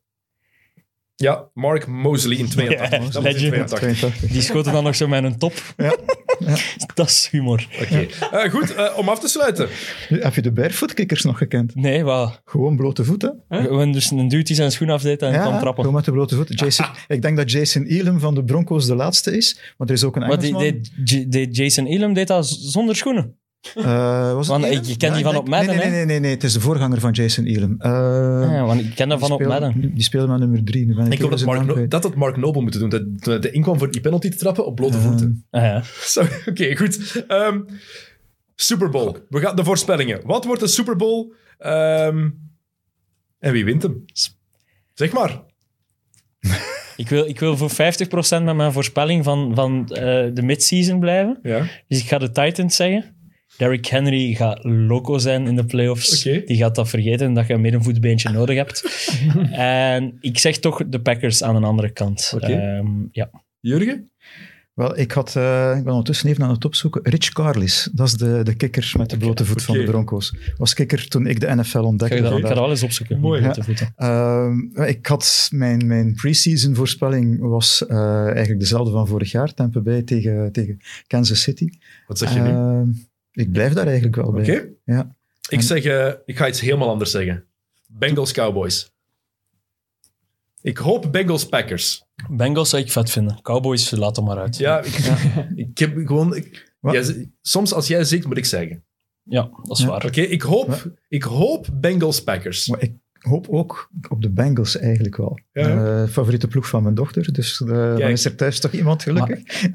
Het plezantste zou zijn eigenlijk dat je twee teams hebt waarbij dat je weet dat de defense het niet gaat, Ja. niet gaat dominant zijn. Dus de Bengals is een coole keuze, omdat je weet, daar moet het van een offense komen. Ja. Dus als we aan de overkant nog iemand vinden waar dat ook van de offense moet komen, Dan dan zou ik Arizona, Arizona zou ik dan zeggen eigenlijk. En wat je zegt, mooi, jouw dochter, een van mijn beste vrienden, is ook een van mijn hele goede vrienden, echt ook een gigantische Bengals-fan. Altijd trouw gebleven Mhm. aan de. Bengals. Ja. Ja. Dus Stefan Humbeek, die is ook voor u, man. Weet je trouwens de laatste playoff zege van de Bengals? Nee, zeg het eens. 1991. Het geboortejaar van, Ja, toen van die vriend van mij. Hij gaat, hem Kijk, was de, gaat hem een tattoo zetten van terugnummer van Burrow als ze het spel winnen? ik hoop het, want dat is mijn nummer 9, hè? Ja, ik denk Dat is het mijn nummer. Dus eigenlijk zou het mooi zijn. toen, toen Hey, de hebben ze gewonnen van de Houston Oilers, team dat nu al niet meer bestaat, Nee. dat zijn de Tennessee zijn nu de Titans. Titans, gewonnen, ja. En in de tweede ronde divisional playoff wedstrijd hebben ze dan verloren van de Raiders. Oké. Dus, eh, Goed, eh, Jurgen, welke matchen gaan jullie uitzenden? Welke matchen ga jij doen? Eh, Nu mag je echt naar het bord kijken. Ja, nee, nee, nee, nee, nee. Ik weet wel welke wedstrijden ik ga doen, maar we zenden ze dus allemaal uit. Alle playoff-wedstrijden worden op We 11 beginnen al op zaterdagavond trouwens. Ja, voor de we beginnen Laat. op zaterdagavond om 10 uur 30 beginnen we dus met eh, de Bengals tegen de Raiders. Doe ik met, eh, met, samen met Frans doen wij het, het commentaar erbij, want gaan ze allemaal in duo doen tijdens de playoffs. Ehm, dan de Buffalo Bills, die worden s'nachts uitgezonden met originele commentaar. Maar dan zijn wij er terug de zondagavond om 5 over 7 met eh, Philly at Tampa Bay. Dan blijven we nog even bezig, want wij doen ook Dallas San Francisco. En dan worden de nachtwedstrijden dinsdagnacht, of de zondagnacht is er Chiefs Steelers. Mhm. En dan maandagnacht eh zenden we ook live de Rams tegen Arizona uit. Dus in de nacht van maandag op dinsdag. Wordt zwaar de moeite. Dat wordt zeker zwaar de moeite. Leroy, jullie zijn terug. Kick and Rush volgende week. Dat is de bedoeling, ja. Er wordt toch gevoetbald in de Premier League dit ja weekend, ga ik voldoende slaap hebben om maandag Ga over jij- de kick ga jij iets de- kick and rush te Ga jij de. Premier League kunnen volgen? Ja, ja, dat begint maar in de middag. Hè. Ja, maar echt, hoe ga je dat doen? Dus ik ga opstaan. Het is een topper, hè? Eh, Ja, om één, ik, moet Zaterdag. werken, ik moet werken zaterdag. Ja, ik dus ook. ik moet om tien uur op de redactie zijn. Dus ik doe Ik eerst... later. Ik heb ook al laten weten dat ik iets later ging zijn. Maar ik doe dus eerst Chelsea-Man City. Eerst, Ja. hè. Dus daar zet ik wat te roepen op heel de redactie. Van zodra Chelsea een goal tegen krijgt. en dan ga ik s'avonds naar huis en kijk ik naar dingen. En dan kijk ik zondag namiddag weer naar Premier League. En zondagavond naar dingen. En dan pak ik maandag voormiddag vrij. En dan is kick and rush. Ik kom een verhaaltje brengen over eh, Thomas Tuchel in de, in de coulissen. Oh, top. Zaterdag. Ga hem weer proberen afbreken, ja. Oh, weer? Ja, maar hier, ik zit hier altijd in de kick and rush en die willen altijd... Ik heb, vorige keer, het, verhaal- ik heb vorige keer het mooie verhaal verteld over dat hij zijn, zijn eh, huishoudhulp Ah, ja. een huis heeft gegeven in de Filipijnen. Ah, want een takkie... ja, dat is waar. Het erge is, het is, ik ga hem nu wel afbreken. Ja. Alleen nee, dat is niet waar. Ik ga eh, vertellen over waarom hij bij elke ploeg met ruzie is weggegaan. Dat uitleggen. Heeft Taki of Tim dat geschreven voor u? Nee, Philip Krols. Oké. In Het was, wel, het was wel een idee van Taki. Ja, en- Het was echt wel, het was echt wel een idee van Taki, dat is geen Ze grap. zijn twee haters, hè. Maar kunnen niet brengen de stat dat hij de eerste trainer is die in zoveel tijd al die finales al gehaald heeft? Want hij heeft weer een finale gehaald hè, gisteren. De- sorry, de leak-up telt echt niet. Hè. Ja, nee. dat maandag. Vraag dat maar aan Tottenham dat nooit een prijs wint. Dat is waar. dat is waar. Oké, eh, er was ook Mit Mit met Kevin Ja. Oris. Ja, Ja, klopt. Heel Over zijn, benieuwd eh, naar. Aziatische avonturen. die Heel, komt... heel tof om te luisteren. Ja, want deze gaat vrijdag online, onze podcast. Ja. Dus gisteren was er dan Mit met Kevin Oris. Maandag is er een nieuwe Kick and Rush. En voor de mensen die Kevin Oris niet kennen, moeten we misschien nog wat... Ex-spits van Antwerpen. En is daarna eh, een beetje een cultheld geworden in eh, Zuid-Korea vooral. Hè? Ja, in Ja. China heeft hij ook geschot, Ja, denk ik. China. En dan En in Japan. Japan. nog wat uitgebold, denk Ja, ik. Dat is maf. Ja. Dus dat zijn toch ja, Had hij- verhalen. Die had een eigen Adidas schoen hè, in Azië. Echt? Op de? Aziatische markt. Dus Dat is dat graaf. echt briljant. Maar die, eigenlijk heeft hij een veel cooler carrière gehad dan dudes die hier zo Ja, ja, in eerste Absoluut. Keihard. aanmoedigen. gewoon, gewoon puur voor privé. Gewoon de cultuur Ja. die je daar kan ontdekken. En dat zeiden Jokken en ik ook, hè, van, dat is toch cool aan een carrière in voetbal, dat je gewoon dat overal ter wereld kunt gaan doen. Ja. Dus, Dus cooler dan de carri- carrière van eh Sammy Bossut. Pas op, die is naar een WK geweest. Die- die- Die was erbij in Brazilië. ik moest nog even Zulte Waregem... En die, heeft Sammy. tijd, en die heeft tijd gehad om sightseeing te doen. Ja, is echt inderdaad. Alleen maar trein. Geen stress, trainen, een goede premie en naar Brazil. En weet je, ik moet geen seconde spelen. Nee. Lijkt me echt niet tof. Mooi wel in Als Zulte Waregem keeper. Je bent nog altijd een prof, je wil nog altijd spelen, hè? Nee, op dat moment zit je toch echt op een limiet van... Nope. Spelen. Courtois staat hier voor mij. Ik Ja. ben Sammy. Niks. A- Als gewoon... Ik pak je, Thibaut. Zie, maar dat is het verschil tussen een Antwerpenaar en een West-Vlaming. Daarom dat ze als derde keeper een West-Vlaming genomen hebben en geen een Antwerpenaar. Ah, daar was, was Marcel zo niet Ja, bij. inderdaad. Mats zou gezegd hebben, ik moet spelen. En terecht. En Sammy zei, ik ben hier voor te ontbijten. En voor carnaval. En voor het strand van Copacabana. Oké, goed. Jurgen, bedankt dat je tot hier bent gekomen. Opnieuw. gedaan, en we zien elkaar terug voor de Super Bowl preview. Als dat mag, ja. Absoluut, heel graag. Leroy? Ja, ik zie jou genoeg. Ik zie, ik zie je zaterdag. Bedankt dat je er opnieuw was vandaag. Eh, wij zijn volgende week terug. Volgende week is het... eh, we gaan pas vrijdagavond opnemen volgende week. Hoe? Ja. Ja, vrijdagavond. Is de Chaotic, de Chaotic 4? Nee, Andries Nee, nee, Bekkers nee, komt nee, terug. nee, het is ah, eindelijk nog eens tijd voor Ja. Andries. Andries van Welcome to the EA. Tenzij dat er natuurlijk een van ons positief test, want we moeten daar gewoon eerlijk in zijn. We testen ons voor zal- elke uitzending en je weet nooit dat er iets kan gebeuren. Maar normaal gezien gaan we volgende vrijdagavond opnemen met Andries. Dus dan is die volgend weekend voor u beschikbaar. En dan gaan we zeveren. Is die zijn nek weer al in orde? Of wat was dat vorige keer dat hij heeft Hij had moeten een, eh, annuleren? heeft een, een hernia, inderdaad. Oké, dus Dus dan er nog, dat is oké. is er aan aan het werk. Hij is terug mobiel. Oké. Gelukkig. En En hij, heeft ook, de zetel liggen daar, hè, Ja. waar dat Leroy zit. en hij heeft ook ons ehm, Reservoir Ballers filmpje gedeeld. Ja, dat is heel, heerlijk. heel, ik ging daar nog mijn complimenten Ja. over geven. Ik was Ja? bang dat je het ging neerleggen in de show. Ik wil eerst nog mijn complimenten geven over jullie Reservoir Dogs filmpje. Ja. Hilarisch. hilarisch. Goeie film, goed geacteerd door jullie. En ik zit al een ganse week met liedje in Ja, mijn maar hoofd. dat dus. wij ook vorige week, want we zijn daarna nog over iets gaan eten en gaan drinken. En dat liedje, eh hoe heet het weer? Little Green Bag. Toem, Ja. toem, toem, toem, toem, Dat blijft zo hard in uw hoofd Je weet zitten. toch de George Baker selection? Die wordt, ook, die wordt ook geassocieerd met Una Paloma Blanca, iemand? Echt? Is dat ook Dat is dezelfde groep, echt? Ja. Maar wat- Legends, man. Wereldster. Wauw, Una Paloma Ja, ja. Blanca. Om een blauwe geschelpte. Ja, en de ja, cirkel is rond en we zijn, weer, we zijn weer in Antwerpen. We zijn we zijn weer in Antwerpen. Centrum van de wereld, weer. Voilà, voilà, voilà. Wij Ga gaan ze de parking lievelingsdorp. Wauw, dat echt? Ja, Dat tuurlijk. wist ik niet. Ja, ja. Maar Reservoir Dogs, een van mijn absolute lievelingsfilms Ja, aller terecht. tijden. Echt, voilà. Goed, dat was het. Volgende week zijn we met Andries. En de week erna komt Frederik de Bakker. En de week daarna is het weer de Chaotic 4 om eh, de maand mee te beginnen. En dan gaan we... Come on! en daarna, nog altijd de bedoeling, in februari of maart moet Willy Steveniers hier komen. De keizer. Ja, Willy moet hier komen. we gaan dat doen. Ja, komt in orde. Oké. Waarom wil hem niet, of wat? Jawel, gewoon nog geen tijd voor gehad. We gaan hem halen, hè. We gaan hem bij hem thuis gaan halen. Dat sowieso. Dat sowieso. Goed. Iedereen, bedankt om te kijken, om te luisteren of om allebei te doen. Eh, bedankt voor uw geduld en om de NFL. Check het en laat ons weten wat jullie ervan vinden. En of jullie ook die... eh, En die Super Bowl voorspellingen. ja, wat jullie denken. Wie de grootste idioot is. Tot de volgende keer. Salut.